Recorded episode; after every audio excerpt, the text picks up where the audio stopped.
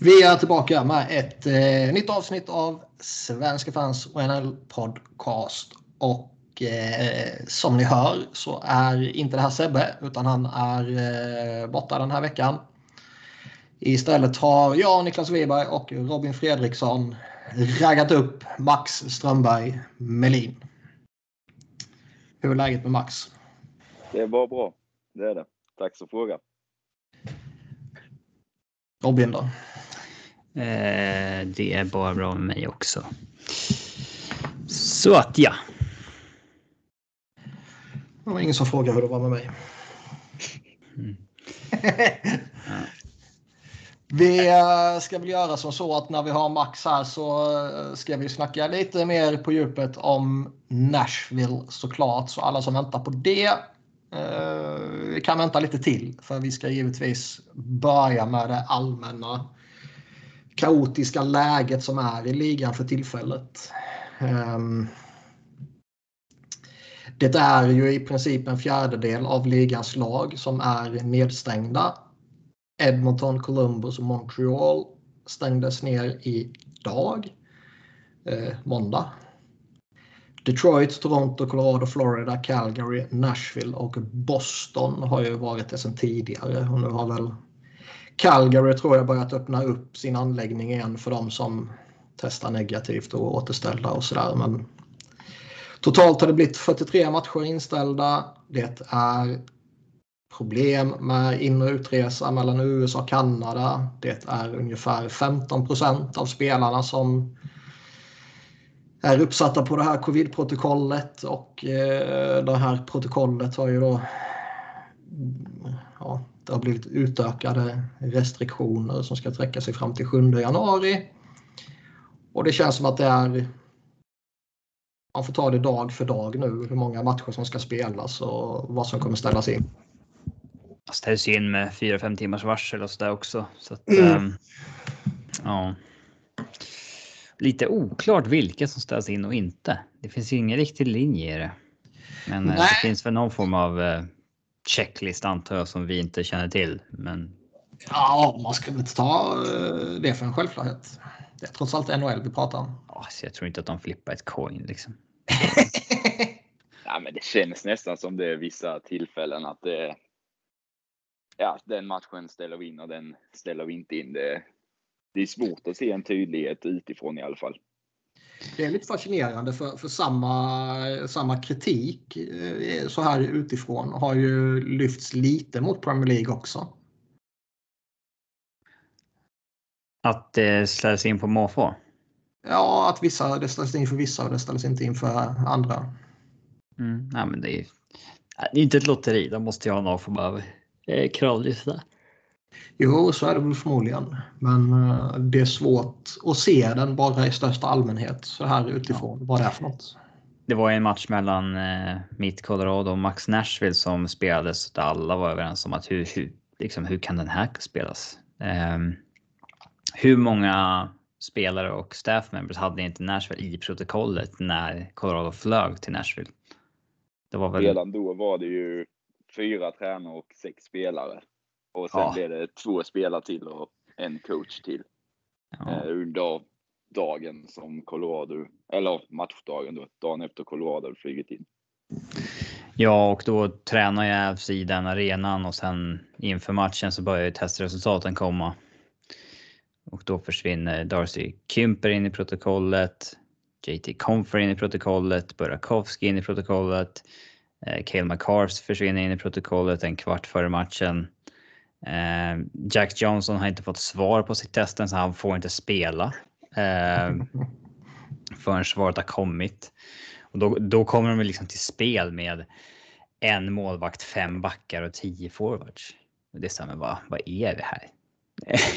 Nej, det blir parodi. Det, det, är också märkligt att man läste någonting om att Colorados spelare hade fått rösta ifall matchen mm. skulle genomföras eller inte. Ja, alltså, är det spelarnas beslut eller vem gav Colorado det beslutet? Det är ju, ehm. ja, det är ju jättemärkligt att lägga ett, ett sånt beslut som ändå påverkar jättemånga på jättemånga sätt. På bara lägga det i spelarnas händer. jag tycker det är konstigt av, av, ehm, av Colorado att fråga spelarna hur vill ni göra om frågan nu kommer till Colorado. Eh, men jag tycker det är konstigt att lagen får frågan att vill ni spela jo. eller inte. Eh, och, så, så här, och många tyckte att ja, hur kunde de gå med på att spela den efter att för den här frågan kom ju efter att eh, de hade tappat eh, Burakovsky, Kymper, eh, även Makar och ja, de här precis före precis före man skulle spela. Eh, och det är såklart att Tror man att de spelarna ska ta ett rationellt, rationellt beslut där? Det är liksom. Du kan ju inte fråga spelare som sitter i hockeyutrustning och har flugit in till en arena och ska spela om fem minuter. Vill ni fortfarande spela förresten? Nej, man vill ju bara ha den avklarad och komma därifrån. Ja, vad fan. Spelarna hade ju spelat med hjärnskakning om de fick. Mm. Alltså, de vill ju bara spela. Eh, det. Det är en konstig idé tycker jag. Eh, men väldigt, väldigt märkligt att den matchen tillät, alltså att Avs ens tillät flyga till Nashville när de har över 10 personer i protokollet. Liksom. Och listan bara växer för varje timme. Mm. Det är otroligt. Och nu är det ju, ja, alltså nu är det ju så konstigt att nu är väl halva ligan nedstängda och vissa har ett gäng uppskjutna matcher och inte. Och alltså, att de ens försöker hålla igång det. Alltså om liksom halva ligan har inställda matcher så det är ju bara lika bra att köra en paus över jul och nyår då och sen kör vi igen. Där det redan ligger några dagars paus inlagt i schemat. Ja, så det är inte. Det finns ju, kommer ju aldrig ett lämpligare tillfälle än jul nyår. Det är bara okej, okay, vi tar en Christmas break hem till familjerna och sen så kör vi igen. Och man det, kommer ju, när... det kommer ju faktiskt ett lämpligt eh, avbrott om eh, eh en bit in i februari. Men det kommer ja. vi till lite senare. Ja, visst. Eh, men jag är förvånad att de inte inför den här säsongen på något sätt hade tagit höjd för eller liksom att det inte är allmänt känt i alla fall att det finns något så här. Okej, okay, eh, vi kommer ha tre tillfällen under säsongen där vi kan ta ett två veckors liksom League-wide break om vi behöver det. Men mer än tre klarar vi inte av för då hinner vi inte genomföra säsongen. Typ så, att det inte fanns någon form av höjd för det. Men det är bara att titta på äh, återigen liksom Premier League och, och Europacuperna i, i fotbollen. Inte ens de har ju något eh, speciellt utrymme för att ta igen matcher som ställs in. Nej, det verkar ju inte som någon liga i hela världen är förberedda på att det kommer en ny våg och liksom det kommer ställas in matcher. Nej. Vad man än läser så är det ju panik överallt att det inte finns någon backup-plan eller något att falla tillbaka på liksom. Mm. För jag tror det är en av en inställd match har kunnat spelas i efterhand. Och en, eller om det är två matcher tror jag där, har fått ett nytt datum. Resten är bara up in the air så att säga, om jag har förstått allt rätt. De får ta in någon schemaläggare från uh, Major League Baseball. De är vana att skjuta upp matcher och uh, schemalägga om matcher. Det där är nog liksom en så, sån typ av vanesak ändå uh, på ett sätt. Mm. Sen är det en så jävla konstig sport att de då kan liksom skjuta upp en match till att spela samma dag som en annan för att det är liksom inte en sport på riktigt. De, de spelar ju bara brännboll. Liksom. Ja, exakt. Fan, det blir man eh, Men. Eh, ja, man, förvå- man funderar ändå på hur länge det kan. Eh, hur länge de kan hålla på så här i sportvärlden. Um, jag tror väl att förr eller senare kommer de väl landa i att vi kan inte testa folk varje dag till höger och vänster och avbryta oss så fort någon testar positivt, typ. Um, utan vi kommer ha krav på att alla är vaccinerade och uh, så på vilken arbetsplats som helst där det dyker upp 40-50 pers varje dag och gör sitt jobb och sen åker hem. Uh, sen huruvida man kan ha publik på 10, 20, 30 tusen eller inte, det, det är en annan fråga. Mm. Men spelarna i sig, alltså det är en så. Det är en sån liten grej. Eh, när man ser samhället i stort, hur många som ändå liksom hänger ihop på tunnelbanor, på tåg och på arbetsplatser. Och, eh, jag tror väl att någonstans så måste vi landa där förr eller senare att eh, eh, man inte testar folk varje dag. Eh, och eh, ja. Jag vet inte hur länge, det, det, det, kan nog inte fortsätta så länge till. Um, så länge alla är eh, vaccinerade och så där så att de inte får några reella symptom. Nej, tydligen har ju det drivits på just den, den frågan i NFL-kretsar. Och där är jag ju inte det minsta insatt. Men de ska ju gå in i slutspelet nu eller om de redan har hunnit göra det. Och eh, alla andra ligor verkar ju följa det med, med spänning då, hur, hur de klarar sig där. Ja, sen så eh, argumentet att eh, spelarna är trött på det, därför måste vi sluta med det här snart. Det är inget argument som håller. Nej, då kan spelarna det, säga, det är världens mest obildade folkgrupp på planeten jorden.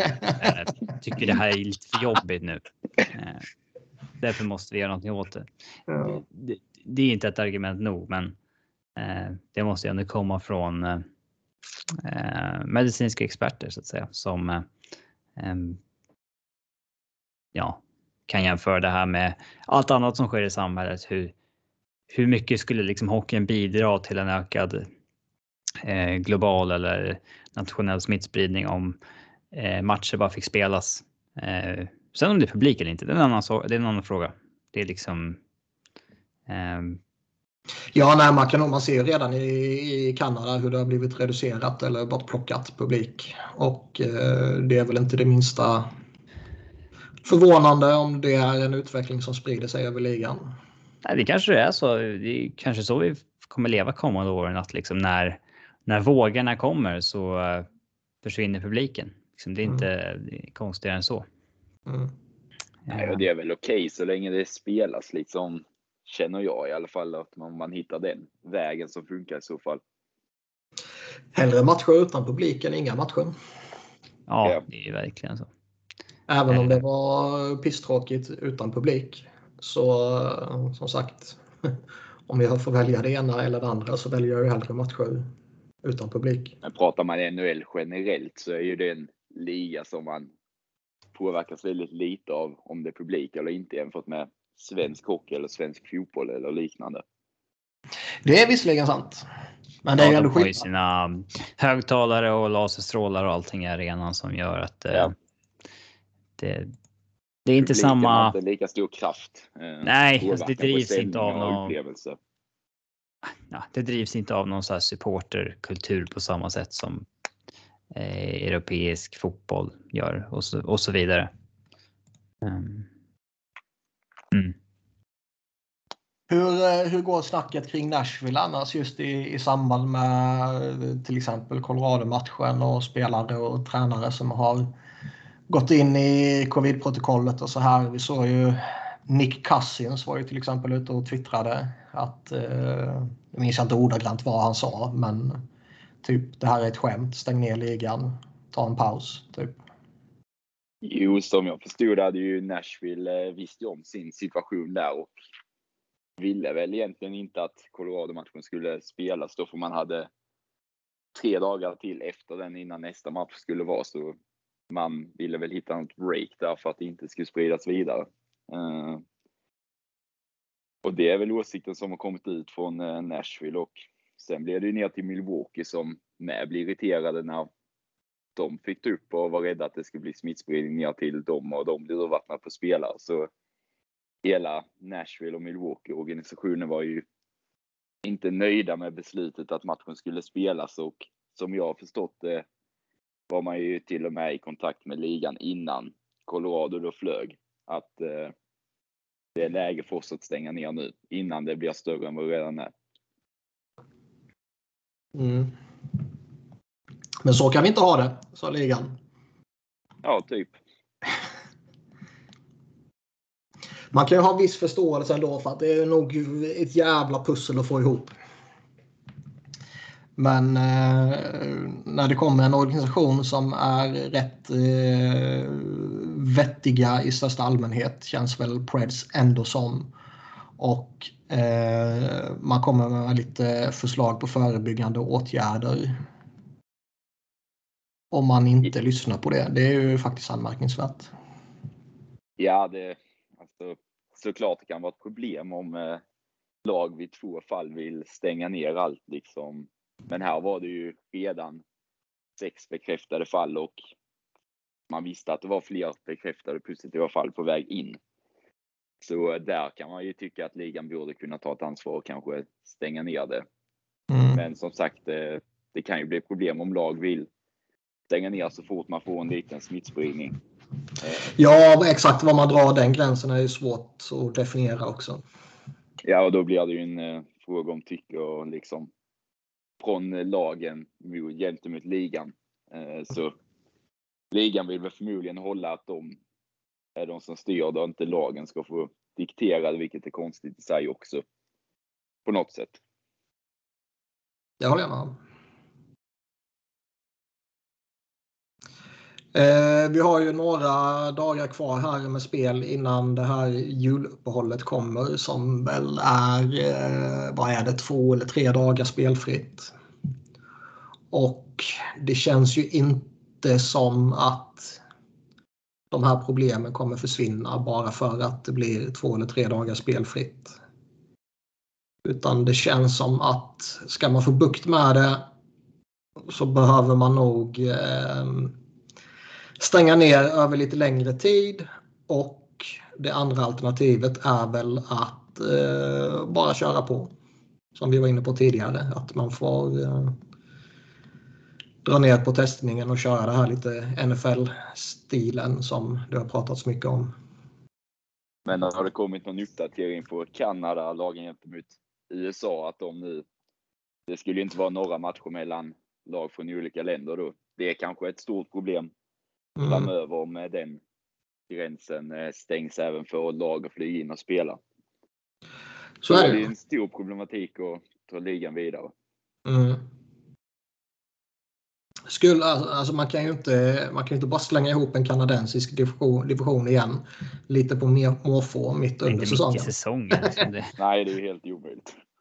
Eh, utan då får man ju i så fall försöka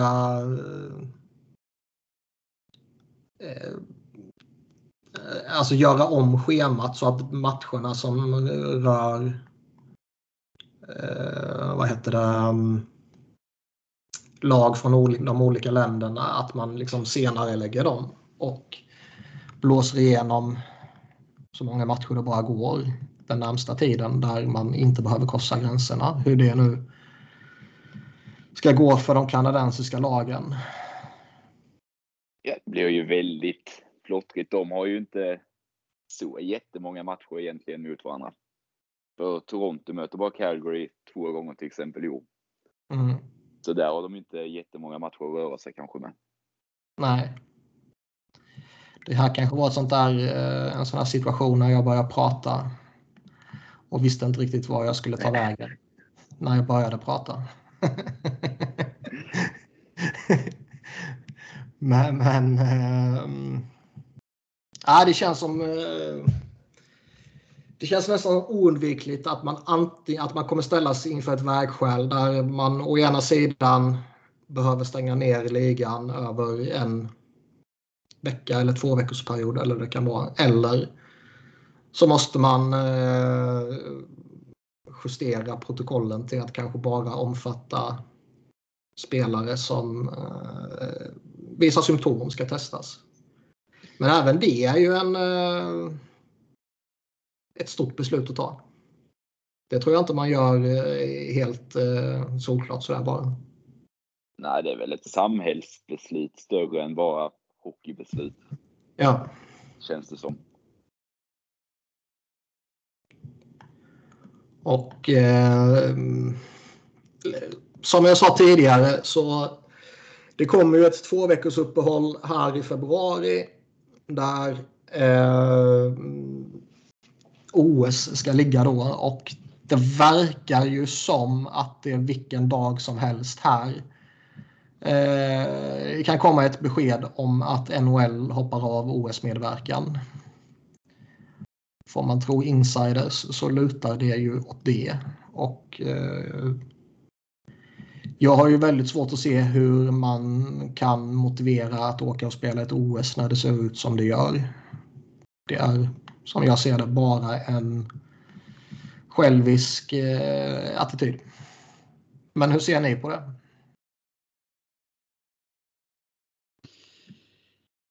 Eh, alltså jag, det känner, nej, vi kommer inte få något OS. Det, det börjar kännas givet vid det här laget. Man, ja, man, man, man blir ju... Steven Stamkos var väl ute och sa att nej, jag, vill, jag vill spela liksom. Jag har inte spelat OS. Viktor Hedman kommer ju aldrig få spela OS. alltså. Och eh, andra spelare som är ute och säger samma sak så här. Men jag tycker liksom att när det ser ut som det gör i ligan och Eh, det finns en stor osäkerhet vad som ändå kommer ske med ligan här och det finns en jättestor osäkerhet vad som faktiskt gäller för, för protokoll och eh, eventuell karantän om man testar positivt i Kina och så här. Eh, prioritet 1, 2, 3, 4 och 5 måste vara ligan där du faktiskt har ditt jobb och där du tjänar dina pengar. Ja, det var ju skillnad om OS spelades i Nordamerika. Mm. Eh, flyga in till Kina och ja. Nej, alltså jag, jag skulle bli jätteförvånad om vi fick det här OS-spelet. Tyvärr. Och det, mm, mitt intresse för internationell hockey är inte liksom superhögt. En sex matchers turnering är eh, för kort för att jag ska lägga något värde i vem som vinner. Det är liksom lite lotteri. Eh, men eh, det är jäkligt svårt att gå tillbaka till eh, charmen i att det är en amatörturnering med Olympic Glory där det inte handlar om pengar och det är bara amatörspelare med. Eh, när vi hade fem mästerskap i rad där turneringen eh, omvandlades till att the best of the best, bara en chans var fjärde år. Eh, det är väldigt svårt att gå tillbaka till amatörgrejen och tro ja, att nej, det ska det finnas något intresse för det. För min del. Det såg vi ju 2018 vilket skräp det var. Ja men vem, alltså så här, Kanadas lag då. Derek Roy och René Bork, stjärnorna liksom. Maximilian halvpensionerade spelare som eh, varför skulle det bli intressant bara för att det kallas för OS? Det är ju liksom en eh, AHL-match med andra tröjor bara i princip för min del. Jag. Jag menar, då, då är ju VM mycket bättre. Då är det i alla fall, där är i alla fall bra spelare med. Mm. Max, har du något inspel? Nej, det enda jag tycker är konstigt är snacket om att ja, men då skickar SHL liksom och Europa. Ja, de kanske vill åka för det är kanske mer de får spela ett OS, men eh, de ska ändå också sitta i karantän och då ska ligan ha ett uppehåll. Jag vet inte om SHL. Nu kom det väl ut något om att de i alla fall var, hade någon plan på det, men att det ska vara så självklart att Europa ska kunna skicka spelare till OS känns med lite. Nej, det kommer nog vara någon som tackar nej. Men det, det, det, ja, det, det är lite typiskt sådär eh, översättar Ja, för det är ju samma grej för europeiska spelarna på något sätt och SHL. Eh, NHL är ju mäktiga ligan i SHL, men SHL och NLA och KHL, alla måste väl också ha något att säga till om, känns det som. Visst, men, men jag menar, de kan ju också tacka nej. Ja, det, ja, det kommer ju absolut vara individer som tackar nej. Mm. Så att de får gå ner på listan hela tiden. Och, eh, ja, till slut. Hockeytvåan-stjärnorna till OS. ja. Jag menar, skulle Djurgården tycka att det var kul att släppa Marcus Sörensen nu och sen få ett besked att nej, han är fast fem veckor i karantän. Mm. Eh, vi får se om ni får kvala med honom eller inte. Det, ja du. Det är tuff.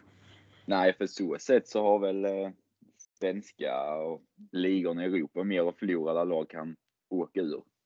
Nu som mm. du säger med Mark, alltså NHL-klubbarna har inget att förlora så sett med att åka ur en liga eller liknande. Mm. Nej, så är det. Jag skulle ju själv bli oerhört irriterad om, om uh, det är någon flyer som uh, bestämmer sig för att åka. Om det typ fortfarande är frivilligt för dem om man inte tar ett kollektivt beslut så att säga. Uh, sen borde ju lite... Irriterad men du skulle ändå förstå det. Vad sa du? Du skulle bli irriterad men du skulle ändå förstå det. Men du hoppas ju att dina spelare inte ska åka. Jag skulle ha svårt att förstå det under rådande omständigheter. Sen är det ju klart att det är skillnad på om man eh, är i ett läge där man kanske känner att eh, okej, okay, nu kan vi faktiskt gå mot en slutspelsplats. Eller om säsongen är körd.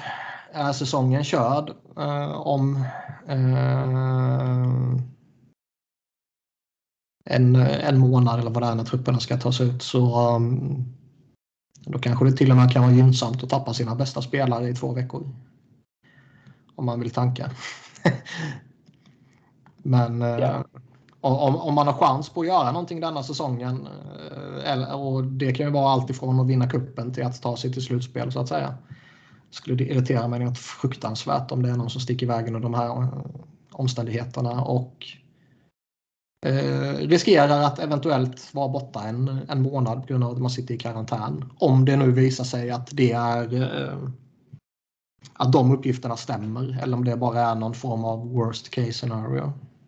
Sen är det ju så, okej, okay, NHL är deras eh, arbetsgivare som betalar löner, men det spelar de varje år och de har möjlighet att gå till slutspel varje år. I OS är var fjärde år så man har väl ändå någon slags förståelse som spelare vill åka. Det är ju mer unikt att spela till OS än att krigas in i ett slutspel eh, Stanley Cup.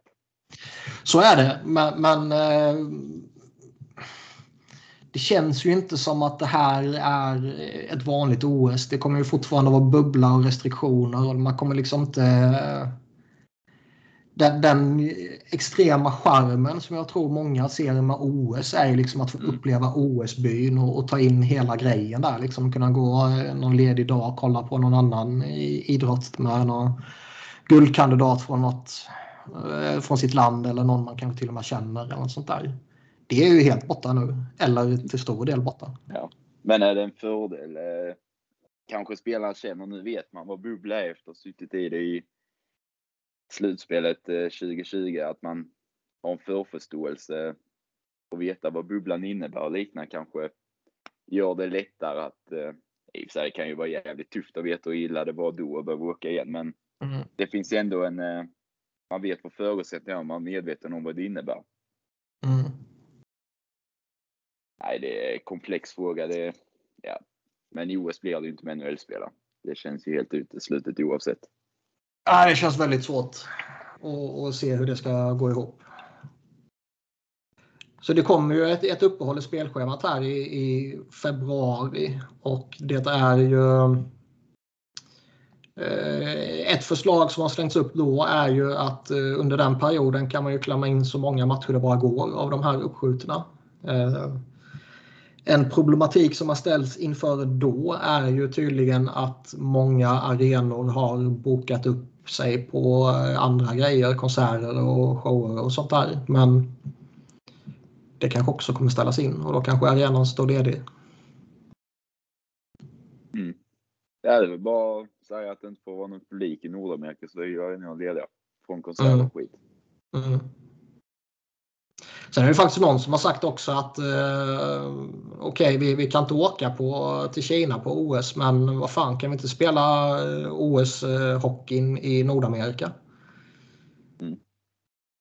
Flyga in alla till något ställe och så lirar man där. Typ. Ja, det är väl lättare att skapa en bubbla eller liknande i Nordamerika och styra det därifrån än att flyga till Kina, både för spelarna och eh, hela arrangemanget och slippa karantän när de kommer dit och liknande. Mm. Sen verkar det faktiskt som att de diplomatiska förbindelserna mellan Kina och USA samt eh, Kanada verkar ju inte vara de bästa. Vilket kanske försvårar en medverkan också. Om man tänker att man ska kunna tumma på några karantänregler eller något sånt där. Ja, men sen är det ju alltså OS i stort det är väl en fråga alltså eh, hur Kina och allt agerar. Det är ju inte bara hockeyn som eh, känns up for grab just nu hur det ska bli. Nej. Så det kanske kommer någon ändring på hur man tänker inför och liknande. Det kanske påverkar OS-hockeyn också om det kommer ett generellt besked för OS i stort. Mm, givetvis. Eh, har vi något mer vi vill säga om eh, OS eller statusen på ligan för tillfället? Nej, det är väl bara att det är oklart alltihopa. Lyssnar man på den här podden eh, imorgon så kan ju mycket av vi säga vara helt inaktuellt. Får lägga in sån i början av avsnittet. Spola förbi första 40 minuterna. ja, exakt. Eh, vi går vidare. Och eh, det briserade ju en liten bomb när eh, Paul Maurice sa upp sig från Winnipeg häromdagen här. Och eh, Dave Lowry ska coacha säsongen ut. Är redan bekräftat så de kommer inte gå efter någon någon annan. Men eh,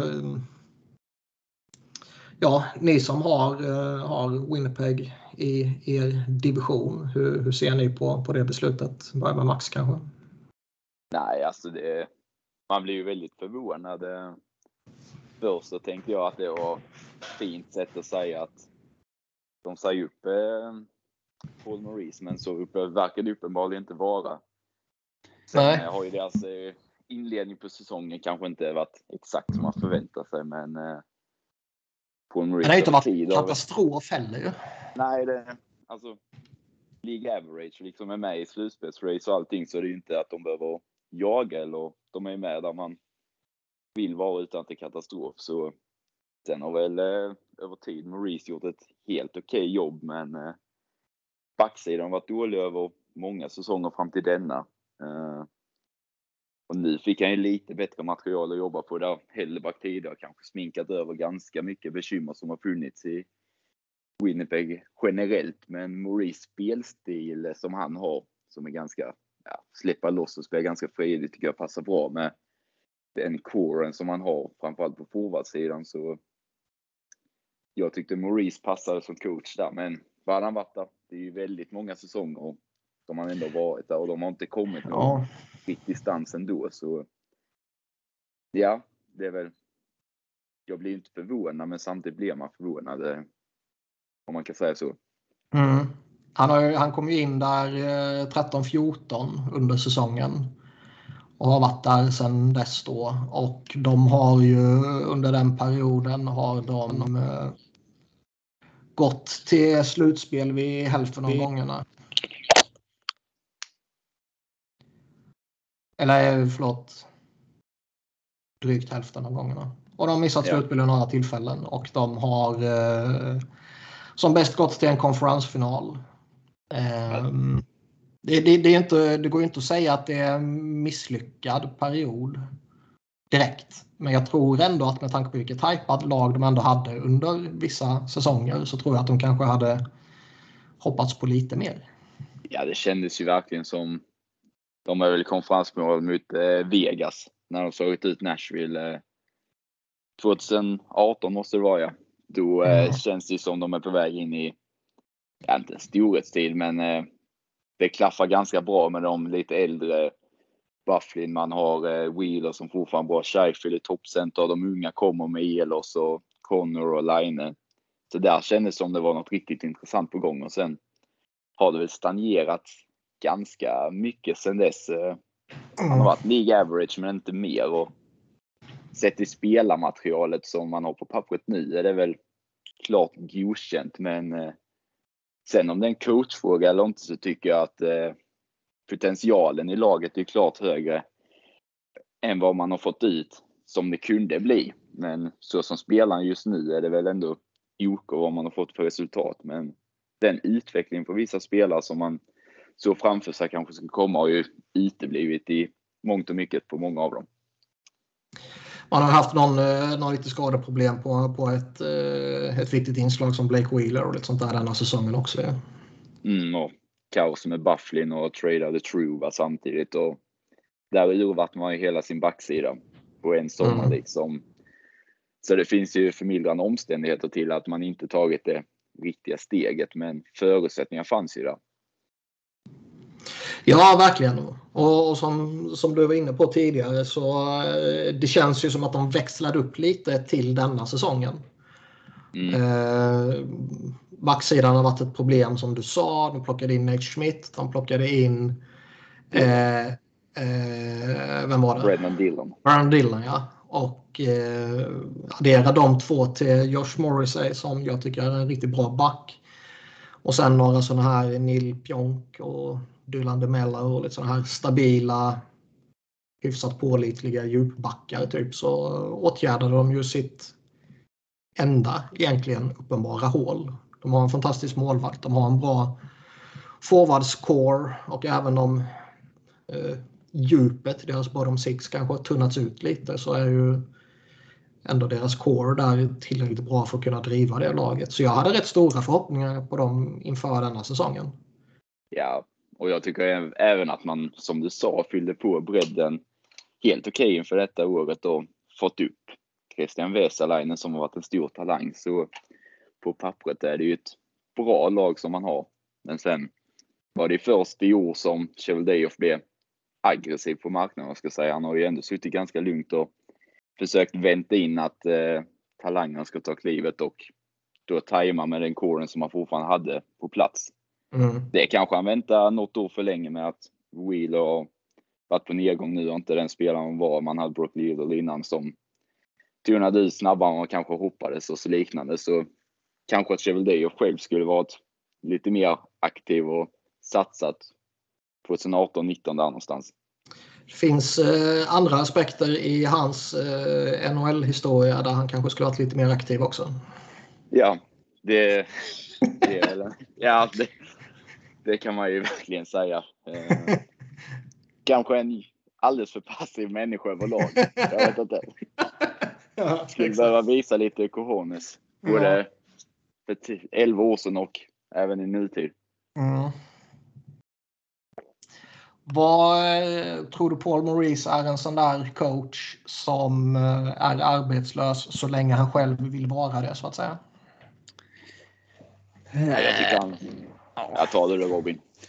Alltså, jag blev lite förvånad över hur... Eh, det var ju några journalister som skrev så här att han kommer få jobb direkt och vem skulle inte vilja anställa honom redan imorgon? Och så, jag har inte sett honom som en av de här liksom coacherna alla vill ha. Men det är väl för att han alltid har varit i Winnipeg liksom och man har inte tänkt så mycket på det. Att han har aldrig varit tillgänglig liksom. Nej, innan dess var han i Carolina en jävla massa år. Ja, men det är ju, det är ju svinlänge sedan liksom. Mm. Um, men ja, alltså.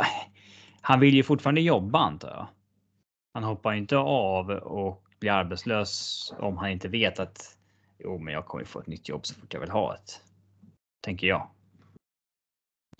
Ja, eller i alla fall eh, under off-season så att säga. Mm. Men det är ju ändå anmärkningsvärt. Vi var inne på det lite tidigare. Det, det är extremt sällan du ser en coach bara säga upp sig. I synnerhet inte mitt under säsongen. Och typ bara hänvisa till att liksom nej, de hade inte tappat förtroendet för mig. De lyssnade fortfarande på mig, men jag tycker de behöver en ny röst. Ja, typ så här for the greater good hoppar jag av för att ja. jag blir av den här organisationen. Typ. Ja. Ändå lite konstigt eh, snack. Det, det, är ju så pass konstigt att det är ju oundvikligt att inte att, börja eh, spekulera om bakomliggande. Exakt. ja. ja, det första man tänkte när man såg deras statement var ju att eh, jaha, nu har han eh, gjort något dumt. Liksom. Nu har han gjort något dumt. eller, eller som Max sa, att nu, eh, de, de sparkar honom men de tycker att han har gjort ett bra jobb för honom så han får gå självmant. Typ. Jag tänkte att det hade grävts fram något i samma härva där som Babcock och alla fick gå. Vad är det nu? Två år sedan ungefär. Att långt mm. efter att det kommit fram något på Paul Maurice med. Uh, det var min första tanke när det då var att han hade avgått själv. Att för att skydda sig själv och Winnipeg kanske inte ville ta den skiten heller att man gjorde det på det sättet. Men det har ju inte framkommit än så då känns det ju inte som att det är så heller. Nej, jag menar, vi såg deras ägare. Han backade ju Kevin Shelday rätt jävla hårt när det blåste som hårdast om han för några veckor sedan. Ja, men han verkar ju kunna backa idioter så det är väl inte så oh, konstigt. Ja. Uh, men det är som sagt, det, ja. Det är svårt att inte tänka att det ligger någonting bakom det. För det är så jävla märkligt beslut annars. Och sen känns det också nu hur Lowry, jag har inte så jävla bra koll på han, men man är väl ändå i ett lite win now mode på något sätt så. Mm. Eh, vad han har för kompetens och historia, liksom det kan inte jag riktigt svara på så, men eh, det känns ändå lite att lämna lagbygget till han ganska oprövad nu i närtid och liknande, att han ska leda ett lag som ändå var tippade och kunna utmana inför säsongen. Nej, jag vet inte heller vad det är för någon. Han har varit lite assisterande coach i NHL på, i, i Calgary och LA tidigare och varit lite headcoach i juniorhockey och så här. Har han mm. fått en interimstämpel eller? Säsongen ut. Okej, okay. så interim typ då. Ja. Uh, ja, nej, man har ingen aning. Okej, okay, alltså det, det, det, kan ju bli Mike Sullivan i historien liksom.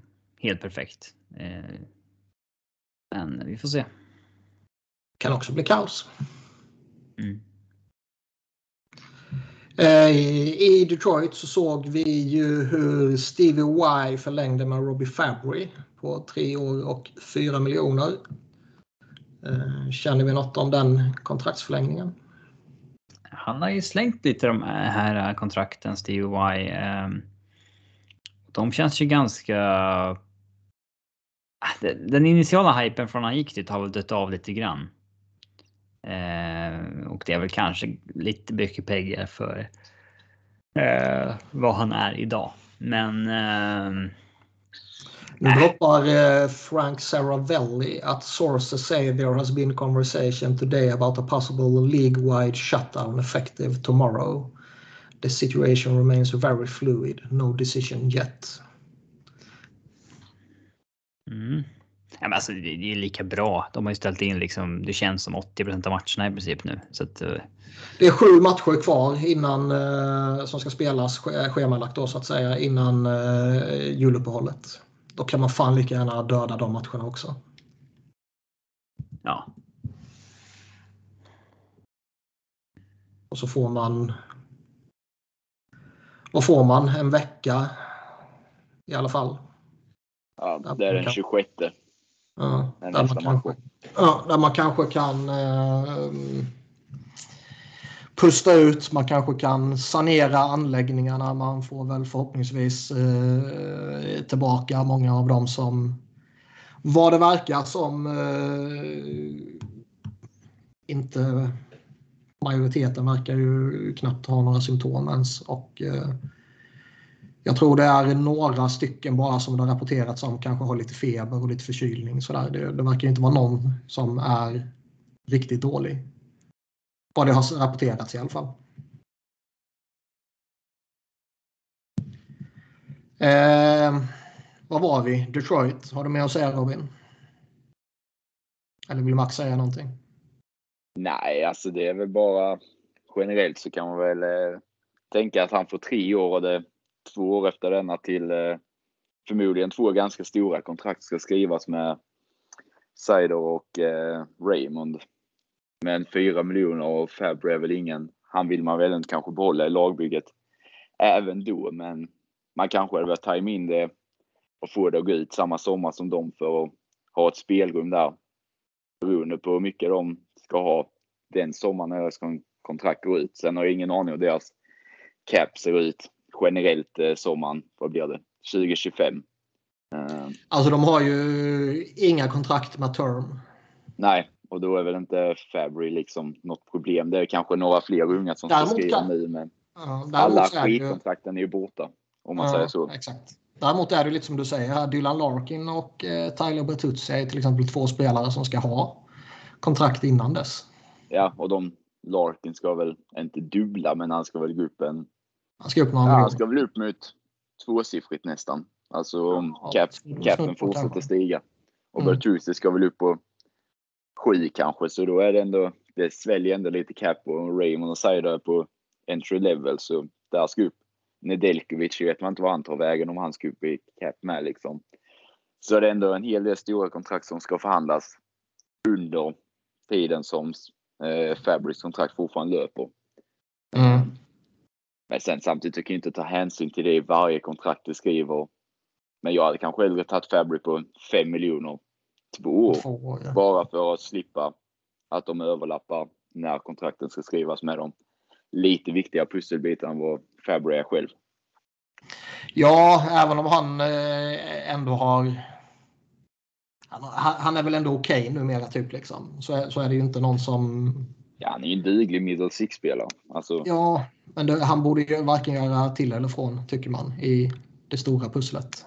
Nej, och fyra miljoner är ju inte, det ska du kunna ta dig runt. Mm. som. Alltså, så länge man inte gör som Jim Benning och signar 13 sådana. ja, men krävs det så får du skriva ett bridge med Raymond på 6 miljoner på två år istället för 8 mm. gånger 8 eller vad det kunde varit. Mm. Det går ju att ta sig runt på ganska lätta sätt, men eh, ja, det är väl bara min invändning att ofta så, man ser det väldigt ofta i ligan att man skriver kontrakt över när andra som man vet ska ha rejäla lönelyft ska få det. Eh, och då sätter man som Jim Benning i Vancouver att man kan sätta sig lite i skiten. Ett kontrakt är helt okej, okay, men när det börjar ticka upp på två, tre, fyra stycken så då blir det problem att manövrera sig runt det. Mm. Vi såg ju i Vancouver hur eh, Jim Rutherford blev ny president och eh, interim GM fram till det att han hittar någon annan snubbe. Känns det inte konstigt att han då tar över som interim GM och samtidigt ska... Alltså... Ja.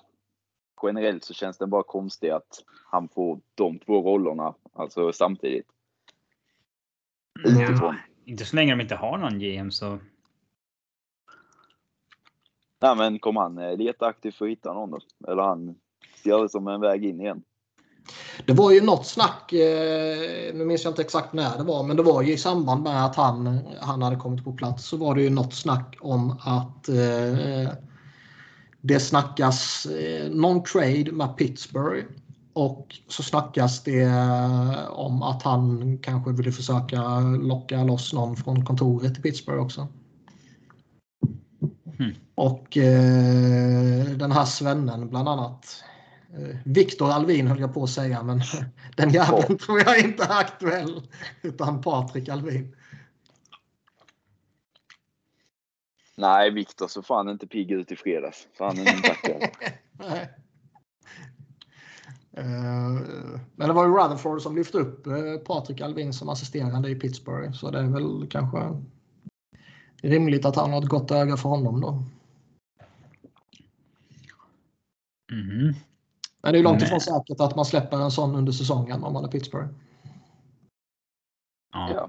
Och sen vet man väl inte vad riktigt än vad Vancouvers tanke är med Sedinarna. Alltså framöver.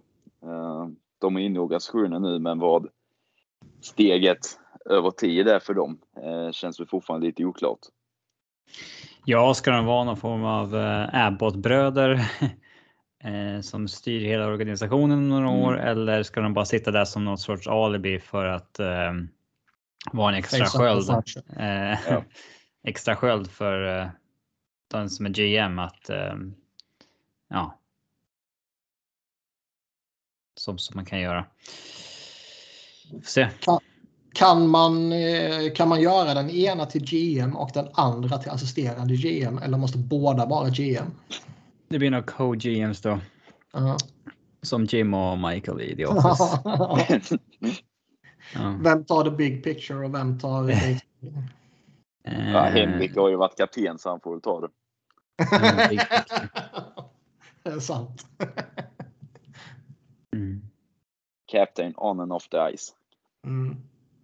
Men det är lite intressant faktiskt som, som ni sa där. Eh, att eh, vad är planen med dem? För har man planen att man ska grooma dem till att bli GM inom en inte alltför avlägsen framtid så känns det ju lite udda att ta in en yngre snubbe som man tror kan bli riktigt bra. Typ Alvin, om man nu har den bilden av honom. Borde man inte vilja ha någon, ta in någon veteran och låta han sitta två år och grooma serinerna och sen låta dem ta över? Men borde inte bara Rutherford köra själv då i två, tre år? Jo, man tycker det. Mm. Men han kanske eh, inte pallar med att vara GM. Han kanske vill ha lite mer chill som president. Mm. Han börjar bli gammal nu alltså. Uh-huh. Han är eh, 72. Ja. Det är i och för sig barnet jämfört med Uncle Lou. Han är 74, 75 va? Uncle Lou? Ja, han är väl 77, 78. Ja, wow. Jag skulle säga närmare 80, över 75 i alla fall. Jag skulle säga 77, 78. 79 ja, för fan. Åh oh, jäklar. Så Bra åt helvete. Jag råkade klicka upp Chris Lamorell och han var bara 49. Mm. Ja, men Anke Lou har väl några år till i sig. Han kommer ju dö på sin GM-stol.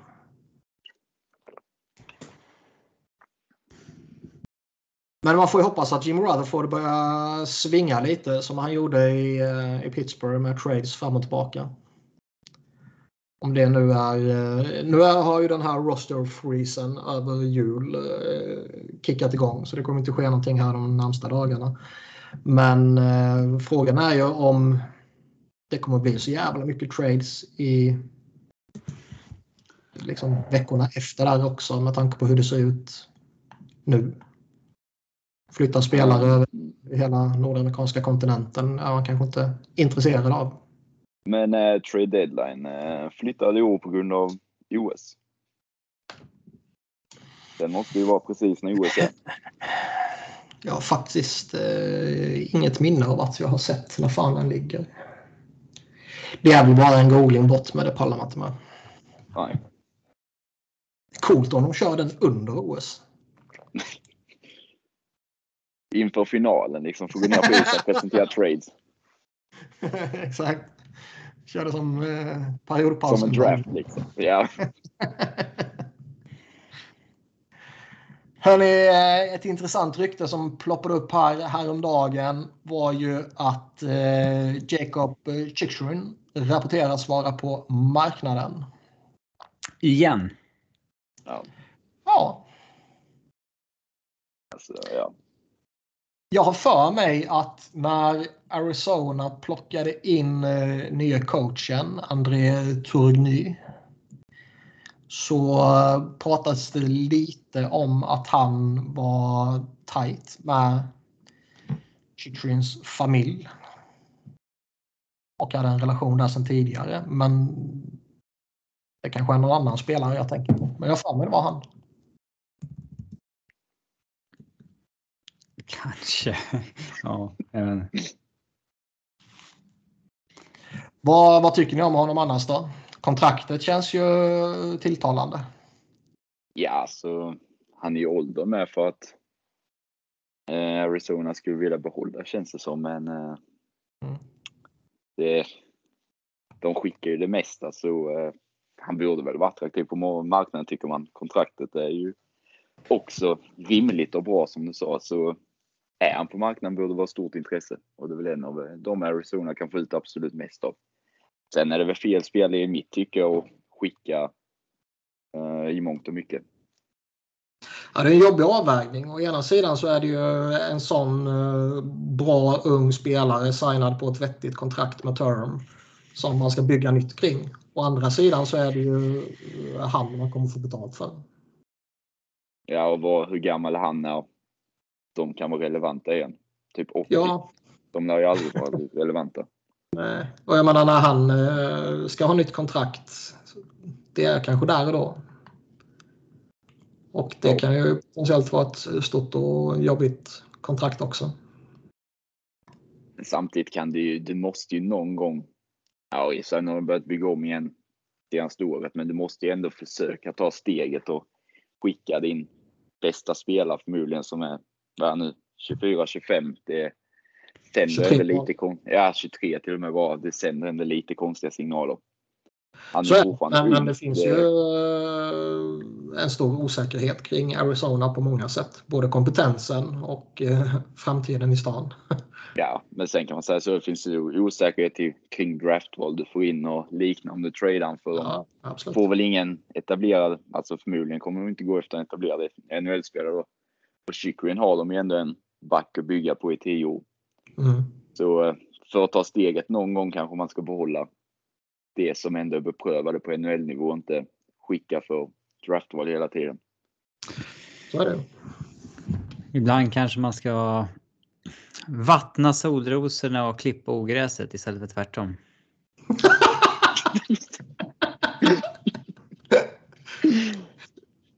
Vad har du nyligen läst det uttrycket? Eh, det kommer ifrån eh, börsvärlden. Du vet när folk eh, köper mer i de aktierna som går dåligt för det är de som har gått ner. Mm. Säger folk att nej, du ska vattna solrosorna och klippa ogräset, inte tvärtom. och i kycklingfallet betyder det vad? ja, vårda och värna om att ha en spelare som kyckling istället för att klippa ja. solrosorna. Så i det här fallet är Jacob Chychrun.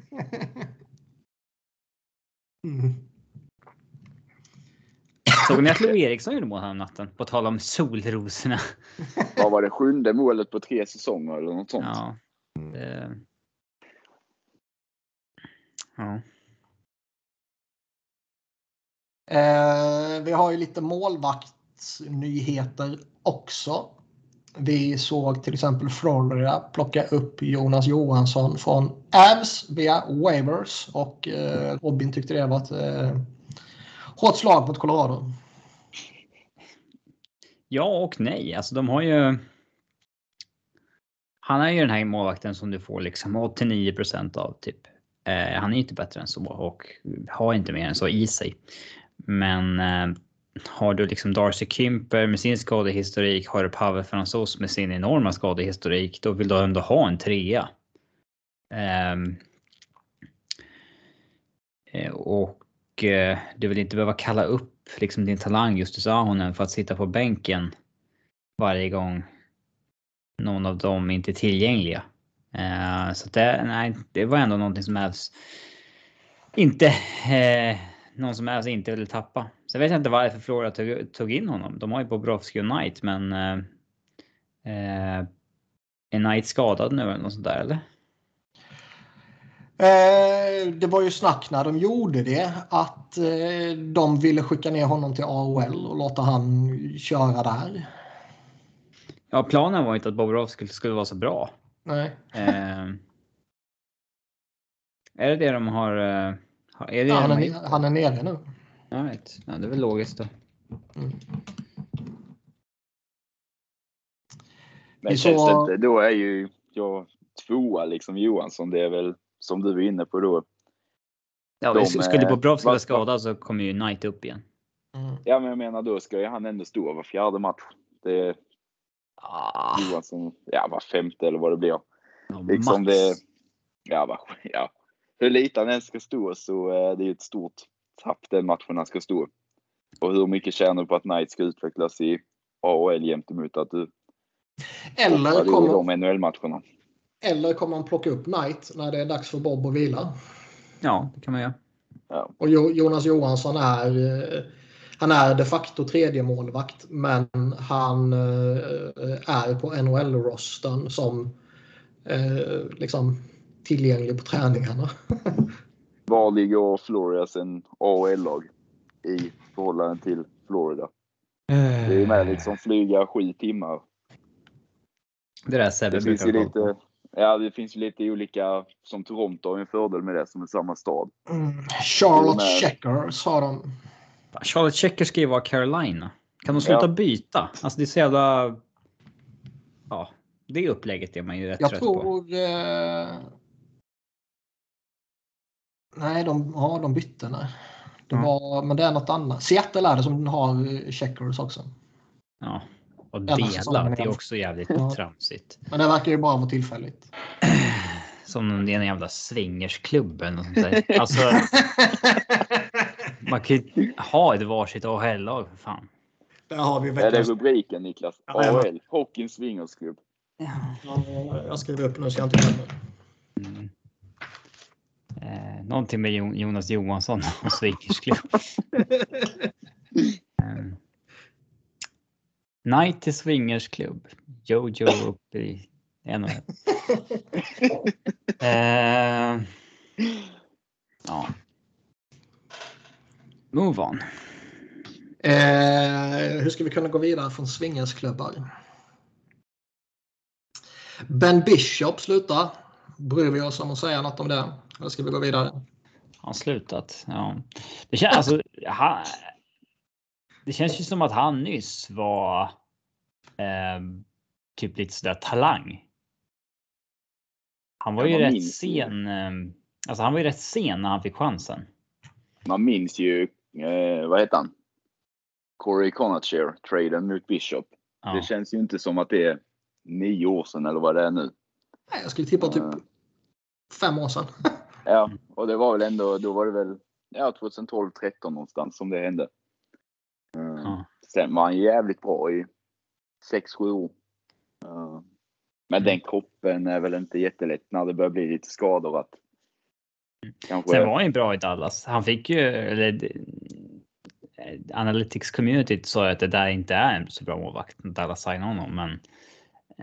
Um, jag vet inte hur. Jag vet inte om de fortfarande står fast för det eller om målvaktsstatistiken har utvecklats en del sedan dess. Men han var ju bra även i Dallas. Men uh, han har ju inte återhämtat sig sedan han blev uh, skadad i bubblan där. Och sen hade väl Sebbe med han i Kings sämsta femma någonsin eller vad det var när ni tog ut det. Ja, det är hårt. Ja, men det var för att Underskattad trade dock. Ja, ja, det var väl för att Cernak gick i motsats. Konstigt argument och det, är ju inte Bishop Nej, det är än liksom äh, La Barbara eller någon annan de har haft. Liksom. Nej, det är lite som att döma mm. Adam Larsson för att det gick med Taylor Hall. Ja. Den har ju åldrats väl i och för sig med tanke på att Taylor ja. Hall är ganska dålig nu för tiden.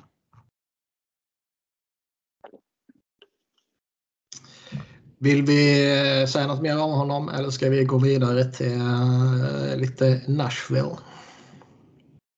Uh, vi kan ta Nashville. Uh, Max. Ja. Det var ändå, får man ju säga, en relativt stor osäkerhet kring Nashville inför säsongen. Man dumpade iväg Arvidsson Ellis och det kändes som att man inte riktigt visste vad man ville göra. Ville man börja sälja av och gå in i en rebuild eller ville man fortsätta försöka vara bra? Och det var väl många som var lite skeptiska till dem i en stark eh, division. Men man har ju gått riktigt bra denna säsongen. Ja, sen eh, känns det väl inte helt hållbart ändå. Eh, eh, toppspelarna har levererat på kanske nivåer som de inte varit uppe på tidigare som inte känns helt hållbart heller. Och Jussi Saros har väl befäst sin plats som en topp tre målvakt i ligan. Så eh, ja, toppforwardsen Roman Josi och Jussi Saros har sminkat över ganska många bekymmer som finns i övrigt i laget. Eh, för spelmässigt är man fortfarande som högst ett League average-lag.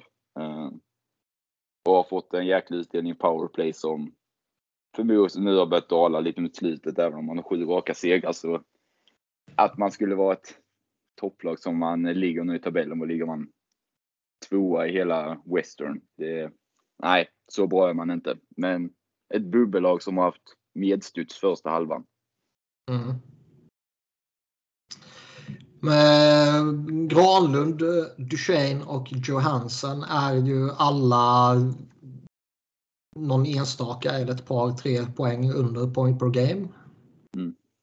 Eh, är det powerplay som är den enkla förklaringen där eller har de hittat tillbaka så att säga? Eh, nej, men sen kan du ju kolla. Alltså, framförallt Duchene och Johansson ligger på en skottprocent som är uppe på helt orimliga nivåer över en hel säsong. Eh, och liknande. 16 respektive 20 procent. Eh.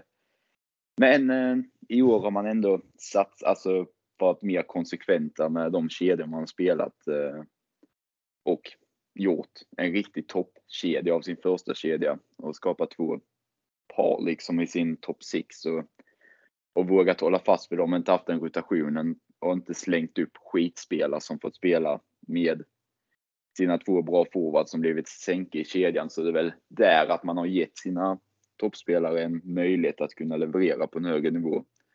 Ehm, och sen såklart powerplaypoäng. Duchene har ju redan lika många powerplaypoäng i år som han hade på typ sina 80 matcher innan dess. Eh, Johansen likadant. Eh, uh, Filip Forsberg.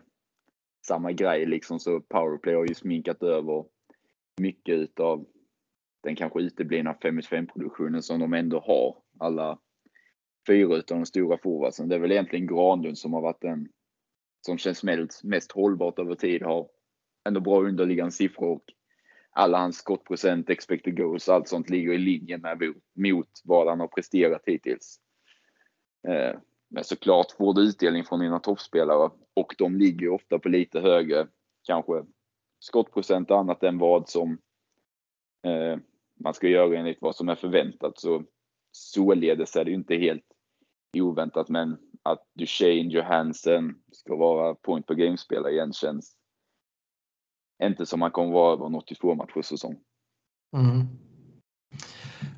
Hur är läget med Filip Forsberg? Även han ligger ju point per game. Har missat några matcher visserligen. Men uh, han är ju pending UFA också, vilket gör han lite mer intressant.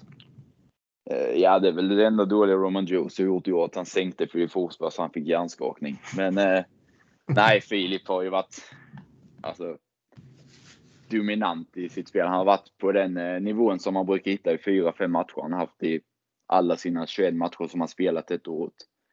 Eh, dominant när han är på isen, alla statistiker säger att han eh, driver spelet och liknande. Och som du sa, man närmar sig vägskälet vad man ska göra med han. Eh, skeppa eller inte. Men så länge man ligger med och har chans så tror jag inte att man kommer att skeppa han. Eh, sen så känns det ju som att Forsberg är ganska så Nashville through and through i ganska mycket ändå. Så jag tror inte man är så rädda på att rädda med att gå in i han på ett utgående kontrakt i slutspelet och liknande. Eh, känns som att man är ganska trygga med att man kommer få behålla honom ändå. Mm. Ja. Och sen vet jag inte, Filip Forsberg är alldeles för eh, streaky. Det är ju alla, men han är extremt för att vilja signa upp ett kanske 8 gånger 8 kontrakt och han är skadebenägen, har varit i nästan hela sin karriär och än mer här på senaste åren. Så jag som eh, gillar eh, att, eh, för jag ser inte Nashville som en utmanare då, även om övriga coren är runt 30 med Johansson, Duchene, Granlund och Josie. Så skulle jag väl ändå vilja flippa Filip Forsberg. För man är inte relevant i år i ett slutspel och Forsbergs kontrakt vill jag inte ha. De har redan skrivit ett riktigt skitkontrakt som Mattias Ekholms kontrakt ser ut att kunna bli. Och då skrev jag till med Filip Forsberg. Vilken sving ändå mot Ekholm. Ja, men han eh, har varit... Det är ju sjukt eh, glädjande. Nej, han har varit riktigt Det är ju veckans rubbe. 100 procent. Säg, säg något riktigt jag? dåligt om honom. Vad sa jag ens som ordagrant? Ekholm är riktigt eh, det, ja, det är inte så noga. Vi kan hitta på något. Eh. Nej, men alltså Ekholm har varit jättedålig. Han är väl Nashvilles fjärde bästa back. Just Räcker det, det varit... med skitkontrakt? Eller vad sa du? Det... Nej, men alltså han. Eh, det är tre backar som är bättre än han och det är Carrier. Ekholm har varit på Swingers klubb så får vi ihop båda rubrikförslagen. Mm. Skicka han till Swingersklubben. det, det. Nej, men det är ju farligt det där när man signar liksom spelare som är 30-31 på en extension innan deras nuvarande går ut. För du måste ju göra det om du är Alltså du vågar inte vänta. Eh, nej, för länge. Nej, det är det som är så konstigt. Man sitter på Ryan Ellis som rent Alltså hur han uppträder på is och kroppsbyggnad kommer åldras bättre än vad eh, Mattias Ekholm kommer göra, även om Ellis har varit skadad mycket nu i år. Och du har redan, var kvar, sex år på 6,2 miljoner. Eh, flippa han istället för flippa Mattias Ekholm. Jag tycker det är konstigt från början och sen att Ekholms förfall skulle komma så snabbt och 30 matcher kanske är en väldigt kort sample size. Kan ju bouncea tillbaka också. Det kan ju komma att så här. Du vet, Hedman såg ju skit ut förra året, men alla visste ju att det var för att han var skadad på något sätt. Ja, men. Eh, det kan ju vara något liknande med Ekholm nu också, men.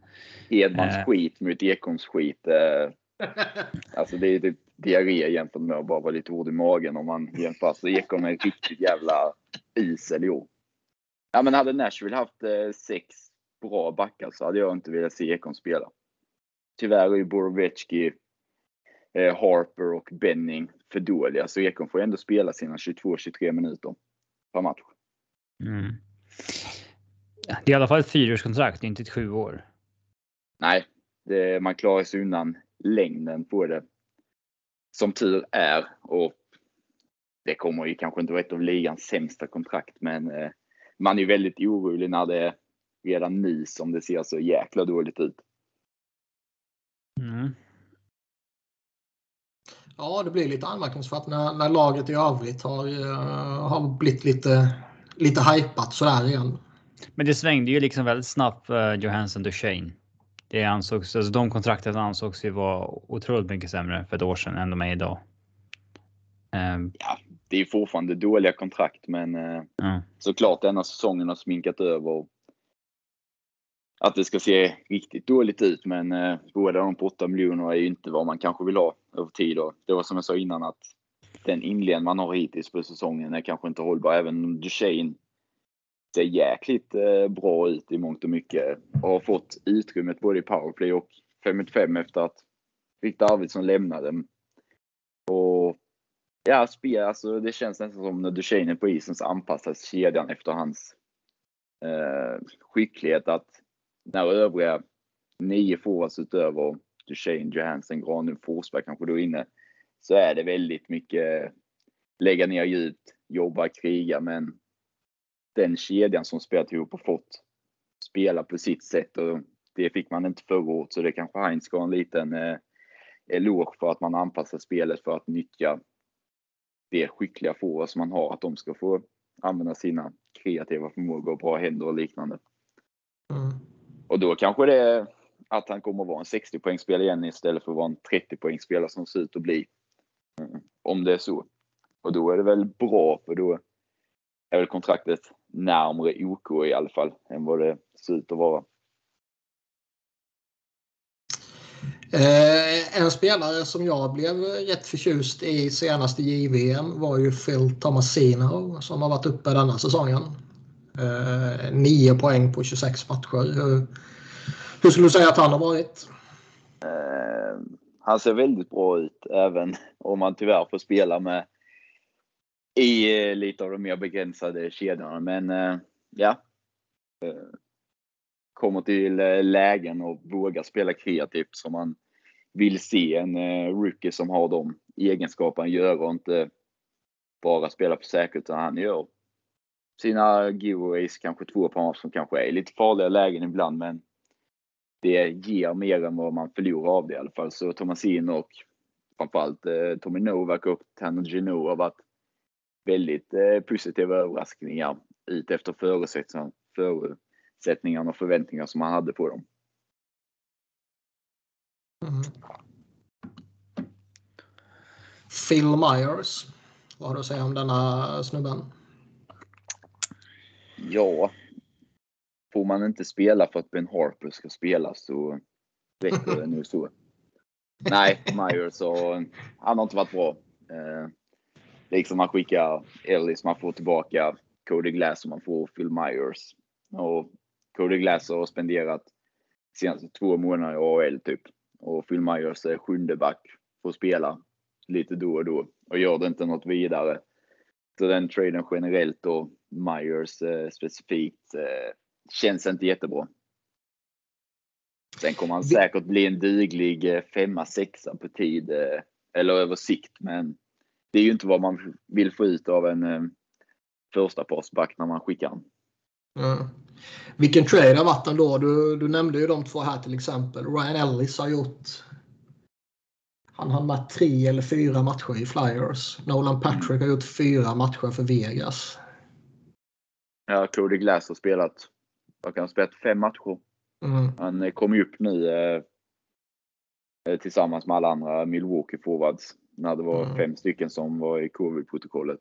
Fyra matcher, elva på Myers. Ja, liksom. Ja, den traden har kanske inte gynnat något lag hittills. Man tänker ändå när tre lag så borde ju något lag kunna träffa rätt. eh, har du något annat du vill säga om Preds? Eh, nej, det är väl att eh, Alexander Carrier ser ut som en ja, topp 4-back. Eh, finns eh, verktyg och eh, uppsida för att bli mer än så. Eh, han och Roman Josie är, när de spelar ihop, ett toppar i hela ligan nästan. Eh, Juicy Saurus är som sagt topp 3 målvakt i hela världen. Eh, förtjänar mer cred än vad han får. Mm. Robin, vill du summera något kring Preds eller ska vi gå vidare? Eh, nej, jag... Eh, jag möter ju Preds ganska ofta, men jag har inte... Nej, jag är ingen jättebra... eller Jag har inget noterat något särskilt som jag vill säga så. Eh, matchen senast, den här covid-matchen, då satt man ju, det var ganska svårt att tänka på matchen. Man tyckte bara att det var konstigt att de spelade liksom. Mm. Eh, och satt ju precis och räknade spelarna i båset varje gång man såg för att kolla om någon hade plockats av så att säga. Um, men ja. Um, nej, jag vet inte. Då hoppar vi vidare. Och eh, gå in på några lyssnarfrågor. Jag sitter ju med två jävla dårar och poddar här i, i vanliga fall och eh, idag är inte heller något undantag. Eh, en fråga här. Jag tycker det är dags att ställa Max mot väggen när chansen ändå ges. Killen avskyr musik och äger inte ens ett Spotify-konto. Det får inte lämnas oberört. Jag lyssnar inte heller på musik. Nej, det är ju helt absurda båda två av er. Nej, men alltså så här. Jag eh, ser inte vad musik tillför. Um, alltså. Nej, men jag ser ingen eh, vinning av att lyssna på musik. Jag får inte ut någonting av det. Jag tröttnar på en låt om jag hört den i 30 sekunder. Eh, det rabblas ju bara om och om igen, samma sak. Eh, så någon som lyssnar på låt 20 gånger på en dag kan jag inte alls förstå. Så nej, jag tycker inte alls det är konstigt att man inte lyssnar på musik. Jag tycker att drevet om att eh, alla ska vara musiknördar är ja, osmakligt. Ja, det finns ju ändå något, ett, ett mellanting mellan att vara en uh, osmaklig musiknörd till att uh, uh, vad heter det? Uh, rejecta det helt och hållet. Vad säger man på svenska? Avstå. Avslå. Ja. Alltså jag, jag kan ju tycka att en låt är bra eller dålig. Eh, men jag är ju oftast tröttnat på den och vill inte lyssna längre innan den är färdigspelad. Um, Eh, så jag är väl inte lika extrem som Max då. Eh, men eh, för framförallt inget jag skulle engagera mig i det. Däremot har jag ett Spotify-konto eh, för att lägga vissa poddar hamnar bara där numera. Våra poddar DIF-podden till exempel, så att säga. Av den anledningen. Ja, jävla märkligt folk jag har att göra med som sagt, men visst. Eh, samma snubbe eh, säger också att eh, sen får ni gärna prata och förutspå hur bra Pittsburgh kan bli när truppen är återställd. Kommer den någonsin vara återställd? Pittsburgh har ju inte haft en återställd trupp liksom under de tio åren vi har poddat. Alltid någonting. eh, det känns ju så. Men alltså, man, fan vad man ändå måste imponeras av. Uh, Mike Sullivan. Ja, Mike Sullivan i, i första hand, men, men även i, i laget i stort. Eh, att man liksom lyckas hålla laget flytande och göra det bra när Crosby och Malkin är borta och det är en engångsföreteelse, då kan man väl kanske rycka på axlarna lite och konstatera att ja, men vad fan, det, vilket lag som helst kan ha flyt. Men hur många gånger har de inte gjort det? Där en eller båda av dem har varit borta och Letang har varit borta och allt vad det kan ha varit genom åren. Det är faktiskt sjukt imponerande. Ja, men det visar väl att även om hockeyn är en slumpsport i mycket så är det ändå ganska systemdrivet. Har du ett bra system så klarar du väl undan att eh, hantera även skador på stora spelare över längre tid. Eh, för man kan ju säga, hade de haft en sämre coach än Mike Sullivan med inte ett så tydligt bra system så hade de ju förmodligen eh, gått åt helvete direkt. Ja, så är det Och eh, ja, de får ju målvaktsspel detta året också. Men det, nej, det är imponerande. Jag, eh, eller vi och många med oss har väl gått och väntat lite på att Pittsburgh ska ta ett, eh, ett litet steg tillbaka med tanke på att man har en liten åldrande core och jag menar på pappret ser inte lagbygget så jävla imponerande ut direkt. Men de lyckas fortfarande krama, krama ur det där sista. Däremot blir det spännande nu när Malkin och Letang är UFAs. Vad som händer.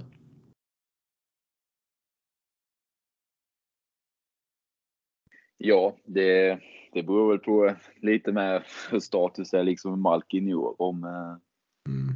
han spelar och hur det blir. Eh, men känslan är väl ändå att eh, antingen dra Malkin till KL eller stanna han i Pittsburgh. Har inte mm. svårt att se när han har vunnit tre Stanley Cup att han skulle gå till eh, något annat lag. Vissa känns ju hemmakära eh, generellt. Det känns som de har lättare att vända hem än några andra från Europa. Är han inte lite för bra för att sticka hem fortfarande? Ja, sa man inte om Kowalczyk med? Han hade ju uppenbarligen inte så mycket kvar i sig. Men ja. ja Datsuk hade ju kunnat klämma ut fler säsonger igen. Men alltså mm. Malkin tar vi ju liksom det är fortfarande en kille vi tar liksom för givet. Eh, vi tycker så här, äh, han har varit lite svag i år, så har han liksom snittat 1,3 poäng i 70 matcher ibland. Alltså det. Mm. är fortfarande på för hög nivå tycker jag. För att... Ja. När han är som bäst är han väl fortfarande kanske topp 5 i världen. Alltså när han är på sin toppnivå. Nu har man ju inte sett ja. det på några år, men eh, hans högsta nivå är det inte många som kan matcha. Sen är det få som kan vara så i, dominant som han kan vara. Sen om han har den kvar i sig är ju omöjligt att svara på just nu. Men förmodligen har han väl i alla fall någon push till i sig. Ja, det tror jag absolut. Han blir 36 till sommaren.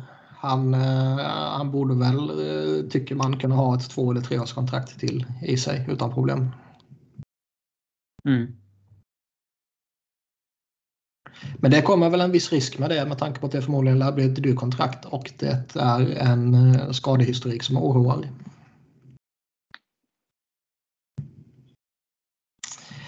Eh, kan Paul Maurice vara ett namn för Flyers? Vi eh, skrapade lite på ytan eh, förra podden om coach-situationen i Flyers. Skrapade lite på ytan. Gå lite på djupet denna gången. Ja. Alltså jag satt i bilen i 40 minuter. Ni, under hela den perioden så diskuterar ni bara Flyers coach-situation. Jag, jag, vet att du har en, en väldigt stor respekt för mig och att jag är lite av din idol. Men du behöver inte kalla mig för ni. uh,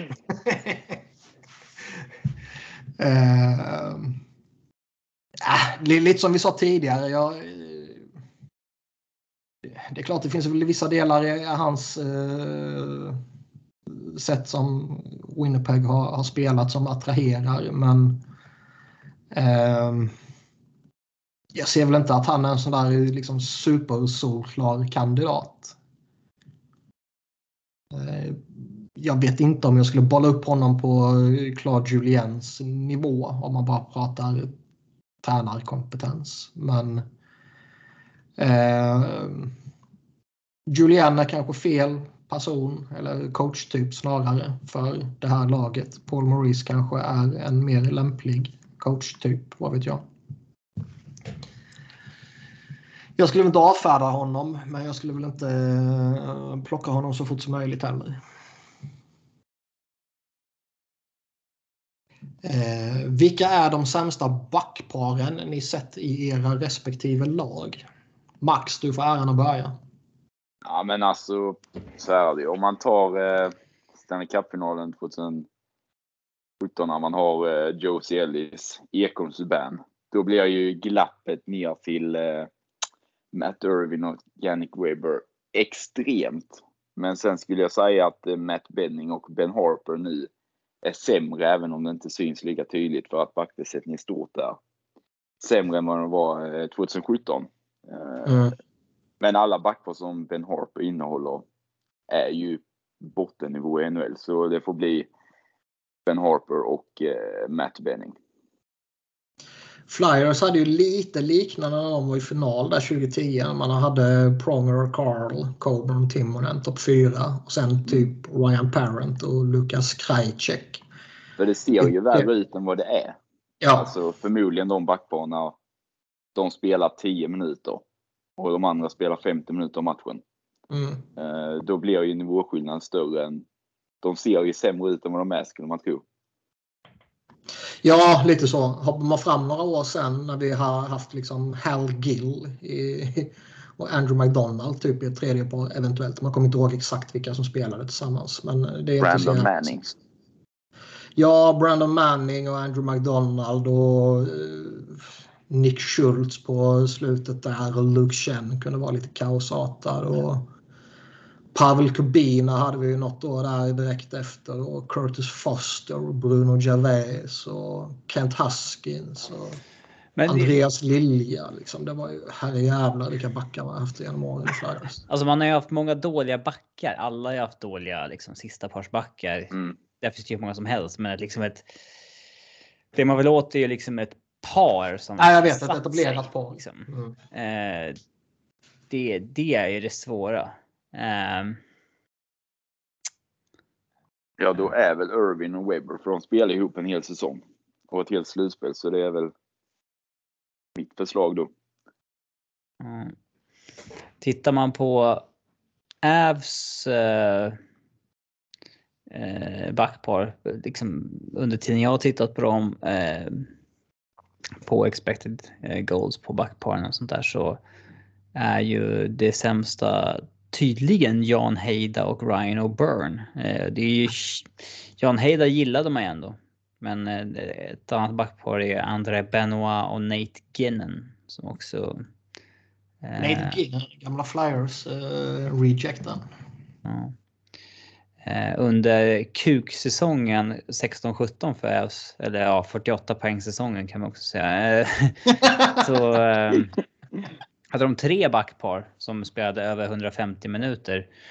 Som alla hade under 40% i expected goals framåt. Ehm, eh, uh, och Gullebuff. Patrick Weirkarts och Tyson Berry. Och Boshemin och Weirkarts. um, ehm, de är nog... Uh, ja.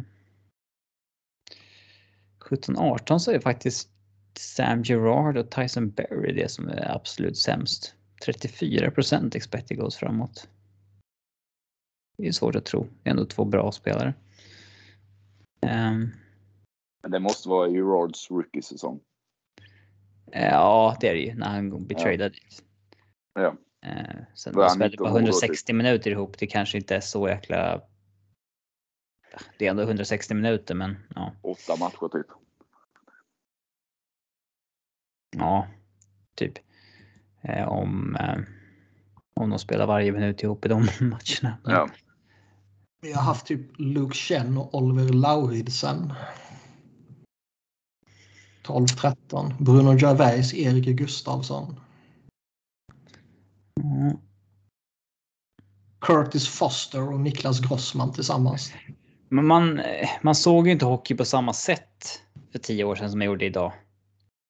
11-12, då gillade ju du eh, liksom. Då gillade ju du Niklas Grossman.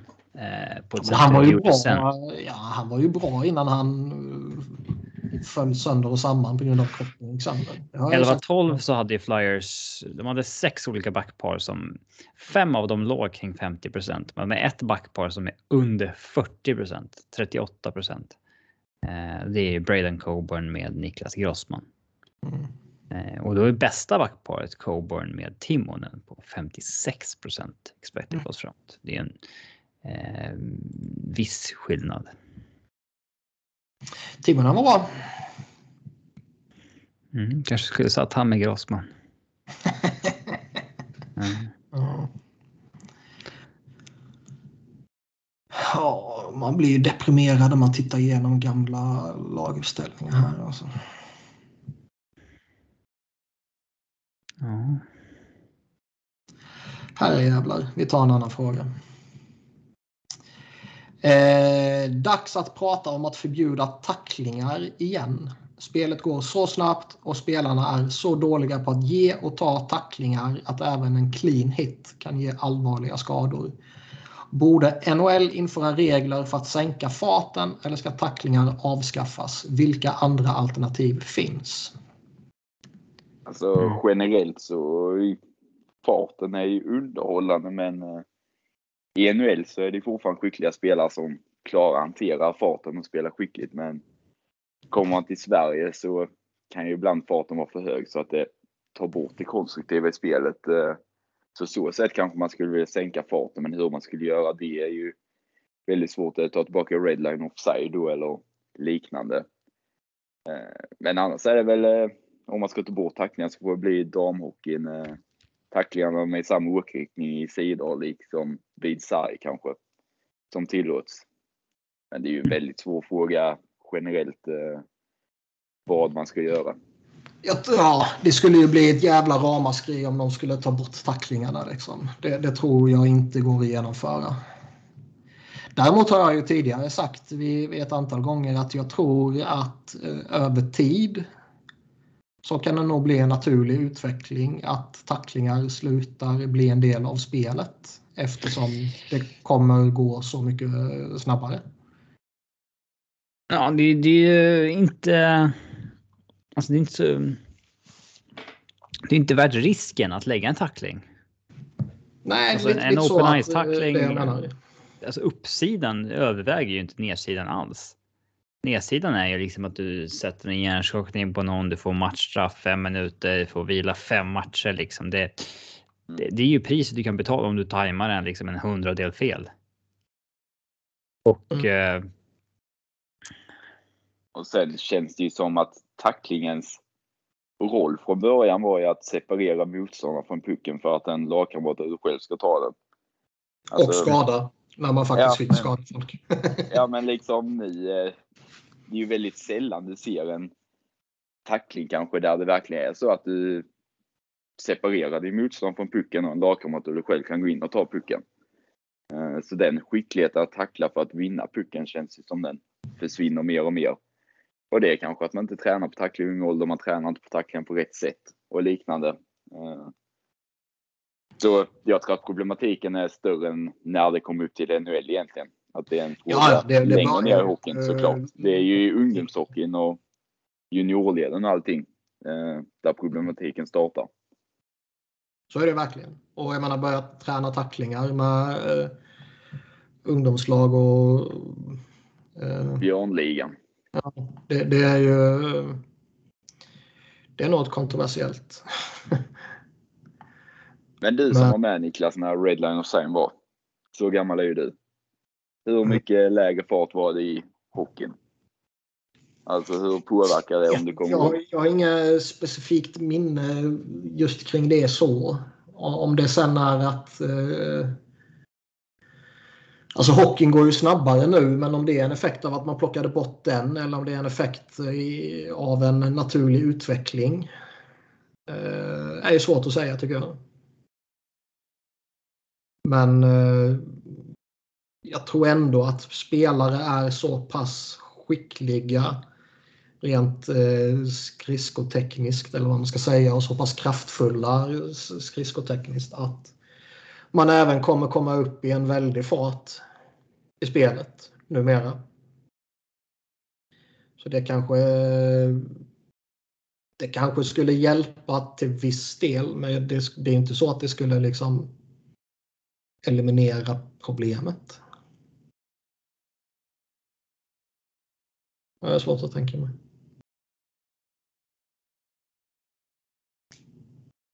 Så jag tror man, man, man behöver eh, över tid så eh, behöver man eh, fostra en större respekt för sina motståndare. Och det kan man ju börja med i, eh, i unga år. Att eh, eh, lära folk att man faktiskt kan skada folk riktigt allvarligt om man kommer en hundradel sekund fel och att det är jävligt svårtajmat att sätta en riktig tackling.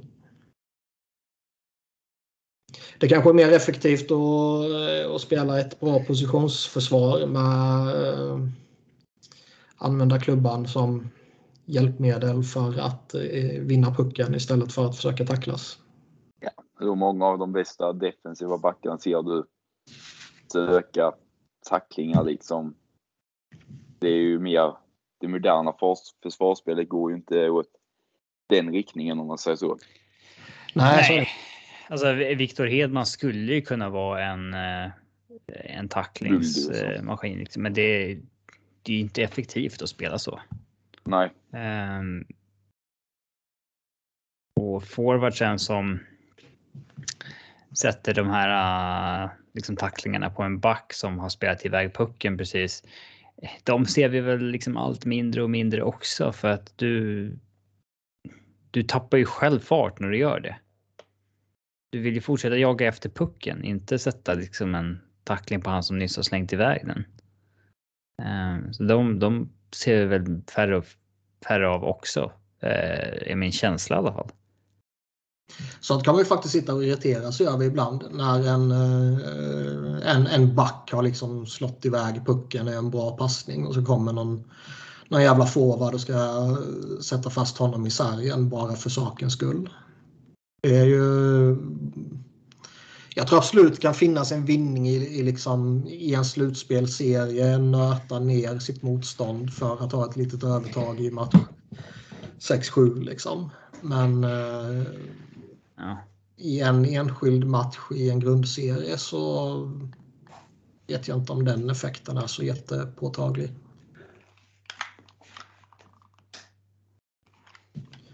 Eh, så det kan man irritera sig på lite när de ska försöka sätta någon tackling där istället för att eh, försöka vinna pucken i ett senare skede.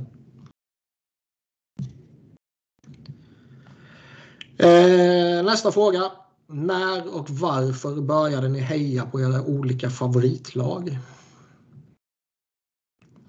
Det har vi väl nämnt lite kort genom åren för eh, mig och Robin och Sebbe i alla fall. Men eh, Max, varför Preds? Eh, ja. Um, kom in i ligan samma år som jag född. Uh, Radulov var cool. Eh, ja, Webber var cool. Kul klubbmärke. Typ det. Och sen lite hipster liksom och inte ta Rangers och alla lag som alla andra tog. Ja, men lite så. Gå lite mot strömmen. Så egentligen inte mer än så. Eh, Kristianstad för att du kommer därifrån? Antar. Ja. Ja. Det är det väl. Inte så mycket att välja på. Support your local team. Mm. Även om man ångrar det vissa tillfällen. Uh. Eh, jag har ju lyckats lura in dig och, och, och farsan på Svenska fans för att bevaka Kristianstad. Ja.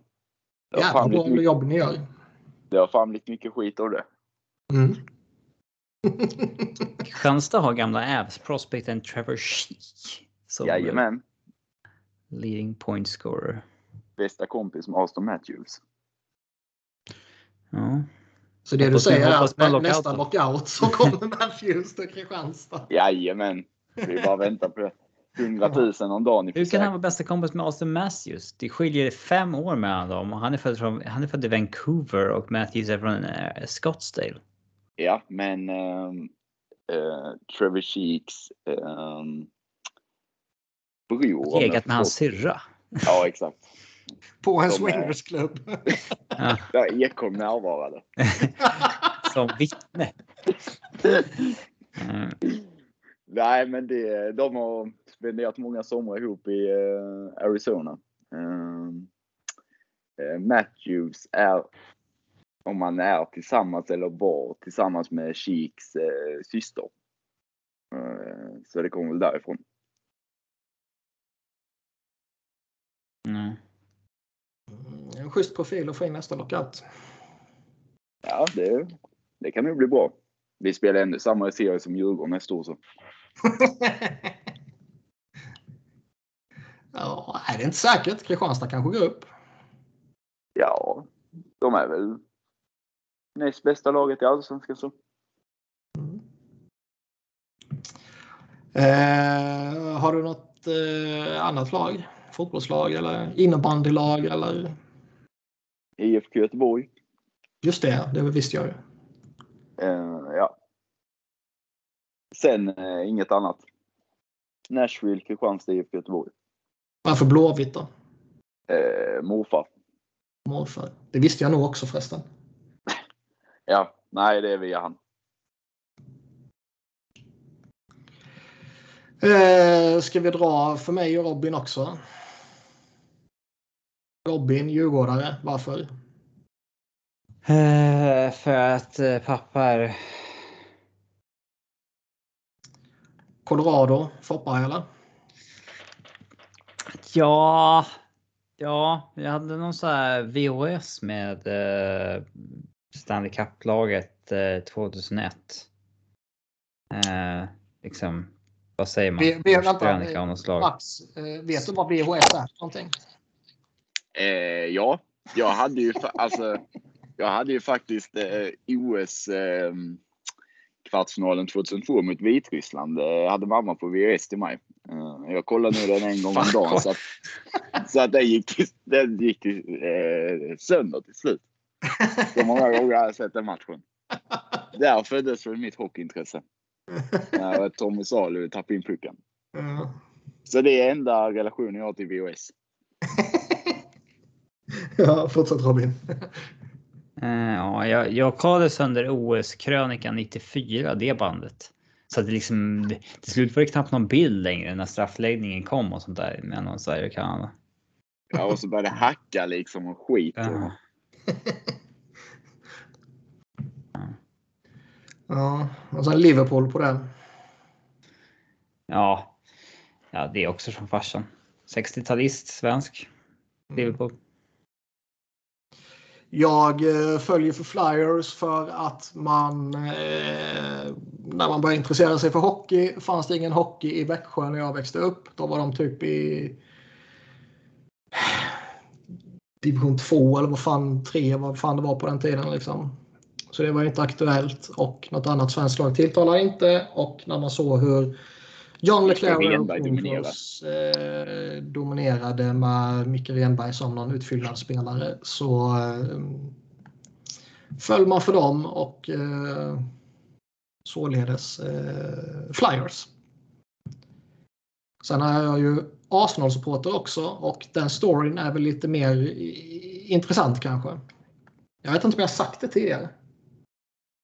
Men eh, det börjar ju med att jag gör ett sjuhelvetes mål med Dennis Bergkamp på Fifa 96.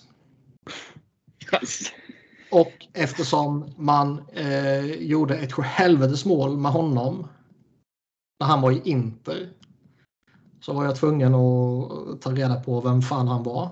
Och upptäckte att eh, vad fan han är inte alls Inter, han är ju Arsenal ju för då var väl inte rosten var väl inte uppdaterad via internet. Hade du inte laddat ner senaste uppdateringen? Nej, exakt. Så då, eh, då snubblade jag in på Arsenal-spåret på det sättet. Och sen så var man fast. Och sen så uh, supportar jag mitt local team här i stan, Havshaga. Öster? Nej, fy fan för Öster. Växjö Lakers. Mm, mm, mm. mm nej. Havshaga, Hive. Men du ska väl ta över efter Koffe hörde jag? Eh, det har du nog hört från fel källa. Ja, det var Koffe själv som sa det.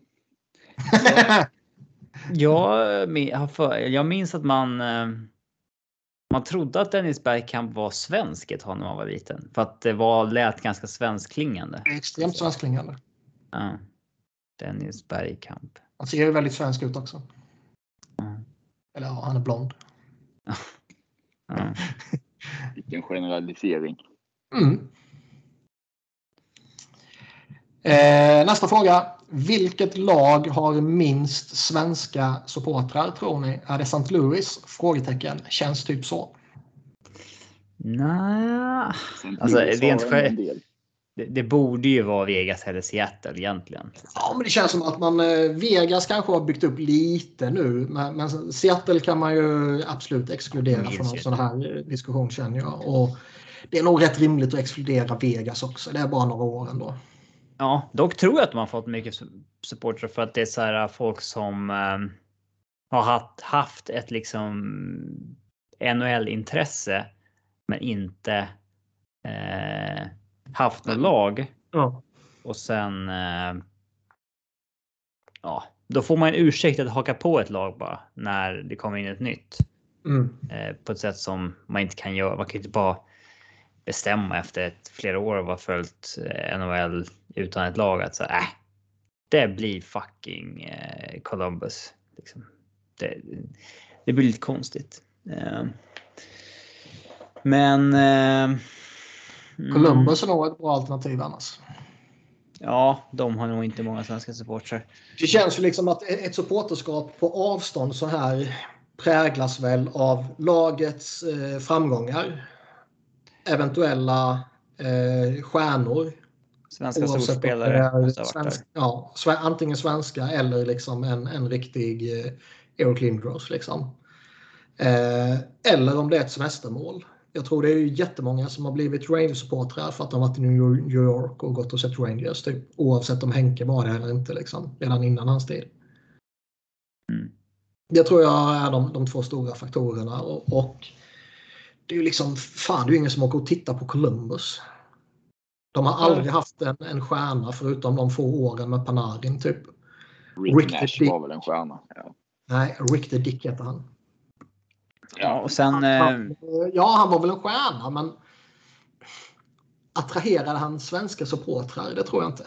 Nej, det är klart han inte gjorde. Det måste varit en svensk stjärna. Eh, så här, de som har minst, de har inte haft någon svensk stjärna. Har aldrig vunnit. För alla som vinner får ju någon supporter liksom den säsongen. För att man mm. är i rätt ålder precis då liksom. Mm.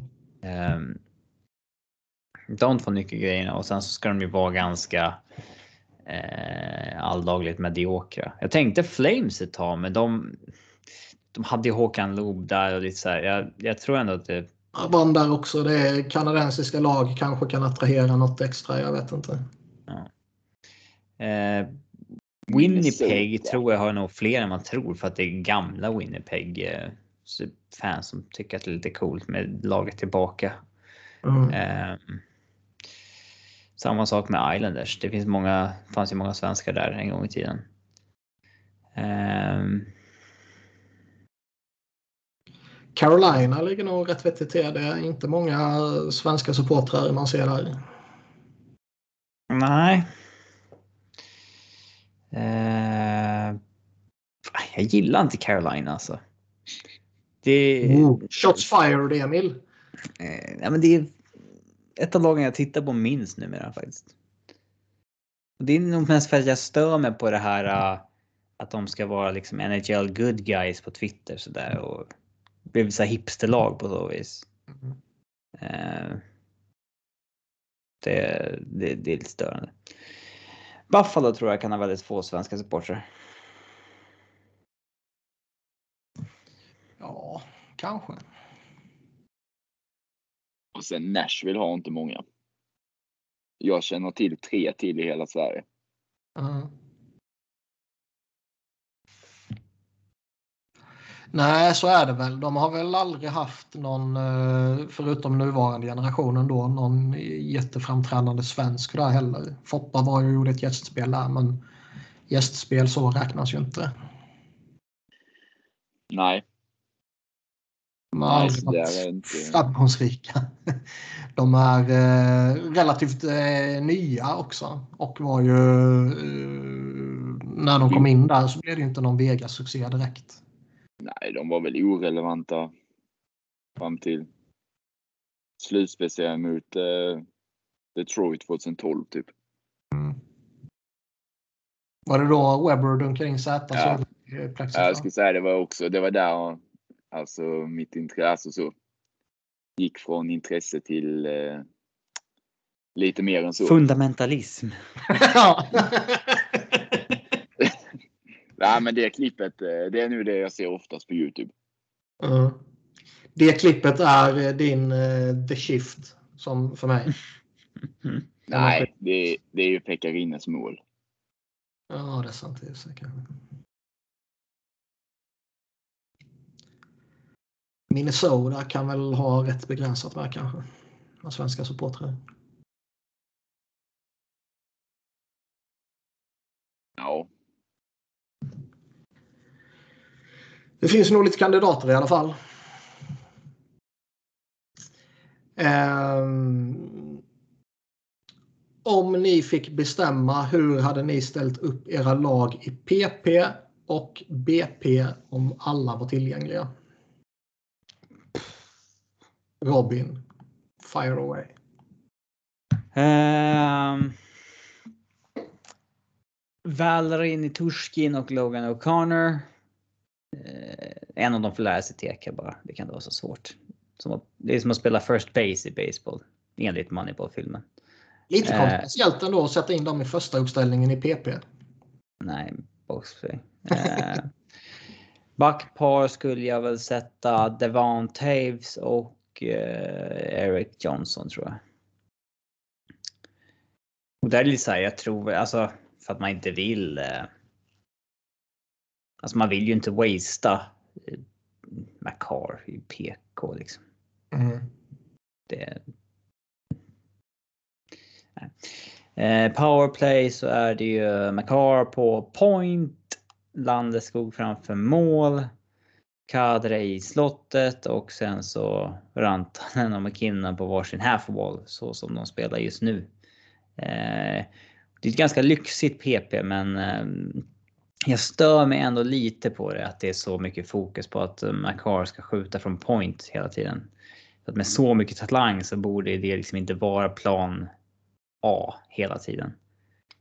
Um, jag kan förstå att Montreal gör det liksom när de hade Webbers tokbössa liksom. Men eh, jag kan nästan gilla vårt PP2 bättre när eh, Gerard och Taves kommer in som backar och då med eh, typ Burakovsky och så här. För det, det, det, är lite mer variation i det då.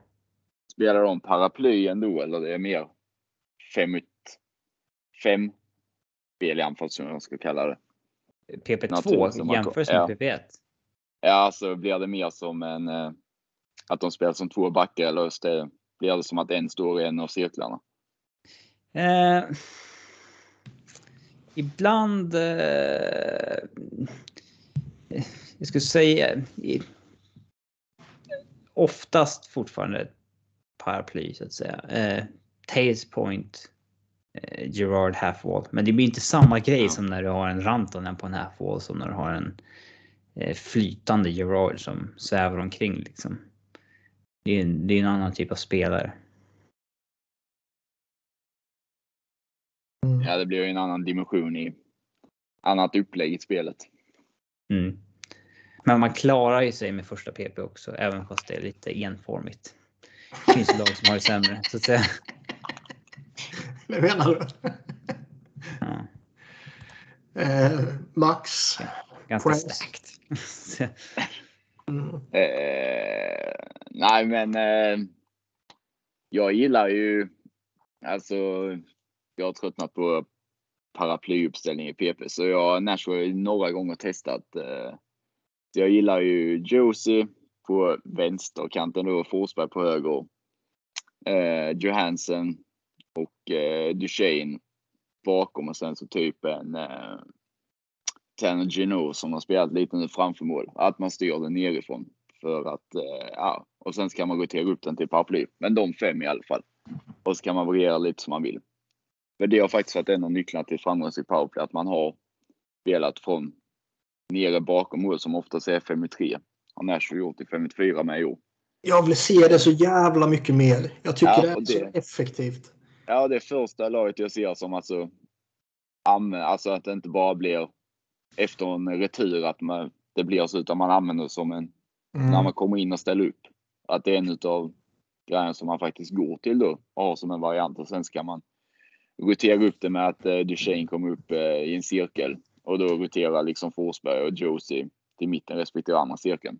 Mm. Så det har blivit mer eh, ja, men flytande och eh, får mer dimensioner i powerplay. Så det är väl alltså, de fem i så fall.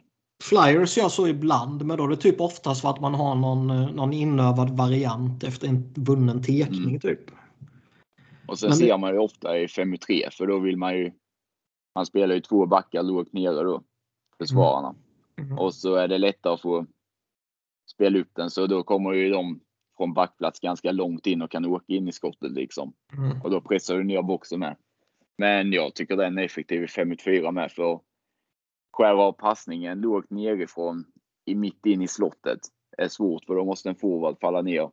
Och då kan även dina från point liksom komma längre ner så det känns ja, som att det blir ett mer tryck på så sätt för du har fler alternativ. Och hitta ja, de farliga inspelen. En, en jävla målvakt liksom som har spelet bakom ryggen på sig. Ja. Bara ja, det exakt. borde vara uppenbart problematiskt för målvakten. Ja, och förflyttningen nerifrån mållinjen som målvakt och hitta rätt vinkel när passningen kommer nerifrån upp är svårare när den kommer i sidled från point ut till en mm. cirkel. Mm. Så jag tycker det finns många fördelar med att spela den. Och det har Nashville gjort så är det med de fem spelarna som jag nämnde. Och boxplay blir väl eh, eh, Carrier och eh, Ekon får spela då. För jag ska inte slösa Josie där. Och sen eh, eh, Luke Cannin och ja, nu har det varit mycket Luke Cannin och Colton Sistons, men Sistons tycker jag är alldeles för icke spelsmart för att spela boxplay. För jag gillar spelskickliga boxplay med. För det handlar lika mycket om att täcka av rätt vinklar, vara smart och spela med IQ även i boxplay och inte bara offra sig. Så Nej, exakt. En eh, ja, Phil Tomasino i boxplay. Jag har sagt det några gånger tidigare också. Liksom. Det är tidernas bästa spelare har liksom gjort eh, ytan bakom förlängda eh, mållinjen till liksom, sitt kontor. Sådär. Och man mm.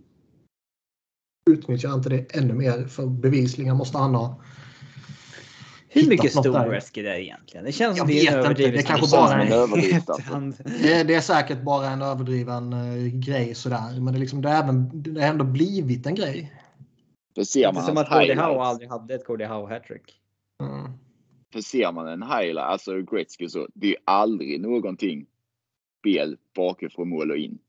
Nästan. Nej, men... Uh... Sen kanske det är minst, uh, alltså det är kanske inte så jävla sexigt om det inte gör som Travis Seagers och Sonny Milano.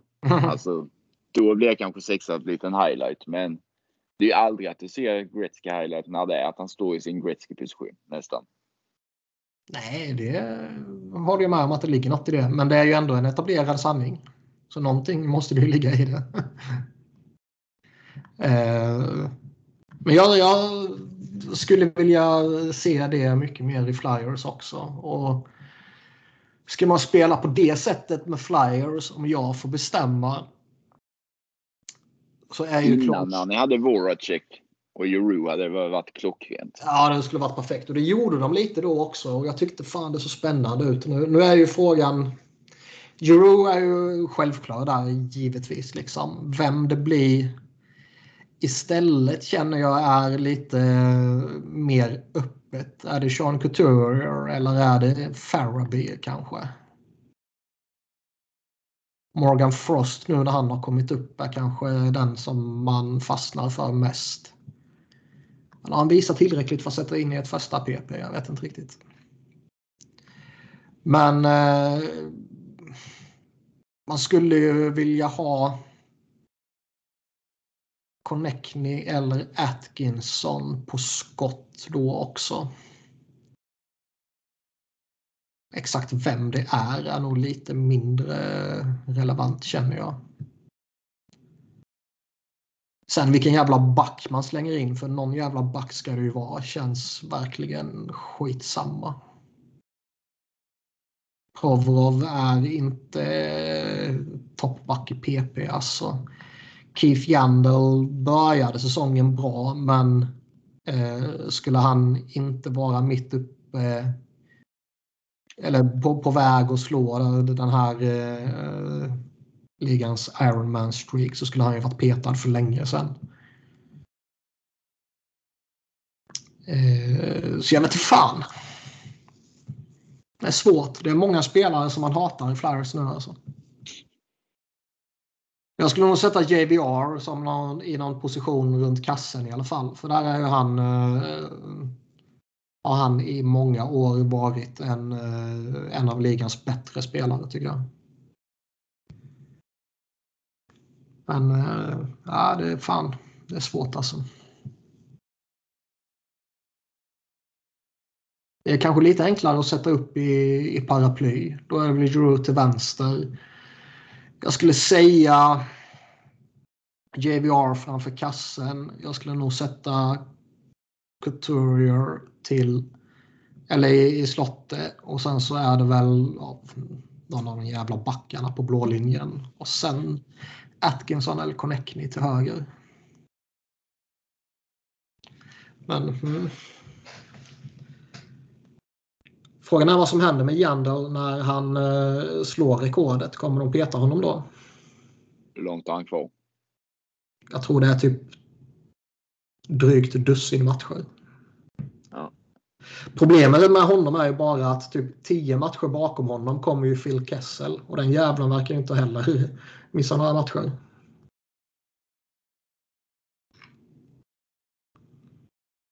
För övrigt surt eh, för en sån som Jander på väg att slå rekordet. Man har typ 10 matcher kvar. Och så testar man positivt för covid. Då kommer ju Flyers säga att de har typ 15 fall bara för att få ställa in. Ja. Det där är alltså. Att, att plocka bort Keith Yandel nu, alltså peta honom, är ju en grej som kan göra att coachen tappar omklädningsrummet. I synnerhet om man som Jandal är en, eh, en rolig skit och verkar vara uppskattad sådär. Då kommer det ju bli eh, uppståndelse tror jag. Och det vill man nog inte utsätta sig själv för som coach. Även om han är kass. Sen är det fan petar de honom och sätter in Nick Sealer istället så är det skitsamma ju. Eh,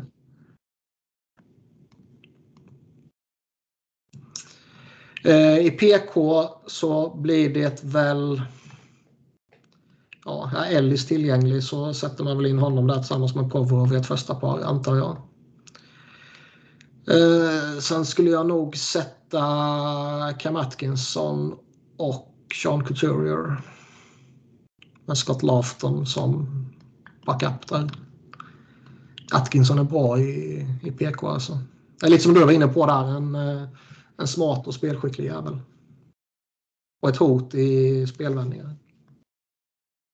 Ja, för man ser så ofta liksom när man sätter in sina fjärdeliners som är väldigt begränsade. De går ju bort så här, okej, okay, de täcker ett skott då och då. Men eh, klubbarna mm. är fel och kliver på i fel lägen och så vidare och så vidare. Mm. Eh, har vi något mer vi vill säga eller ska vi runda av där? Jag tror Robin är trött och vill sova. Han är så trött att han inte ens svarar. Han bara mumlar. Jag trodde han hade somnat igen. ja, det var skoj han gjorde det. det tråkiga var ju att precis när jag och Sebbe hade avslutat. Jag tror fan inte det går en eller två minuter när vi sitter och snackar lite sådär skit i, efter inspelningen. Bara, då vaknar ju Robin. Jag skulle vilja få med dig i podden alltså. Men, ja. Men vi gör väl så att vi rundar av där. Vi eh, tackar för att du ställde upp Max. Tack själva. Jag eh, pallar verkligen inte rabbla massa eh, Twitter-handles. Det är Sebbes jobb. Så eh, tack för den här gången. Vi hörs. God jul. Det kan vi säga. God jul.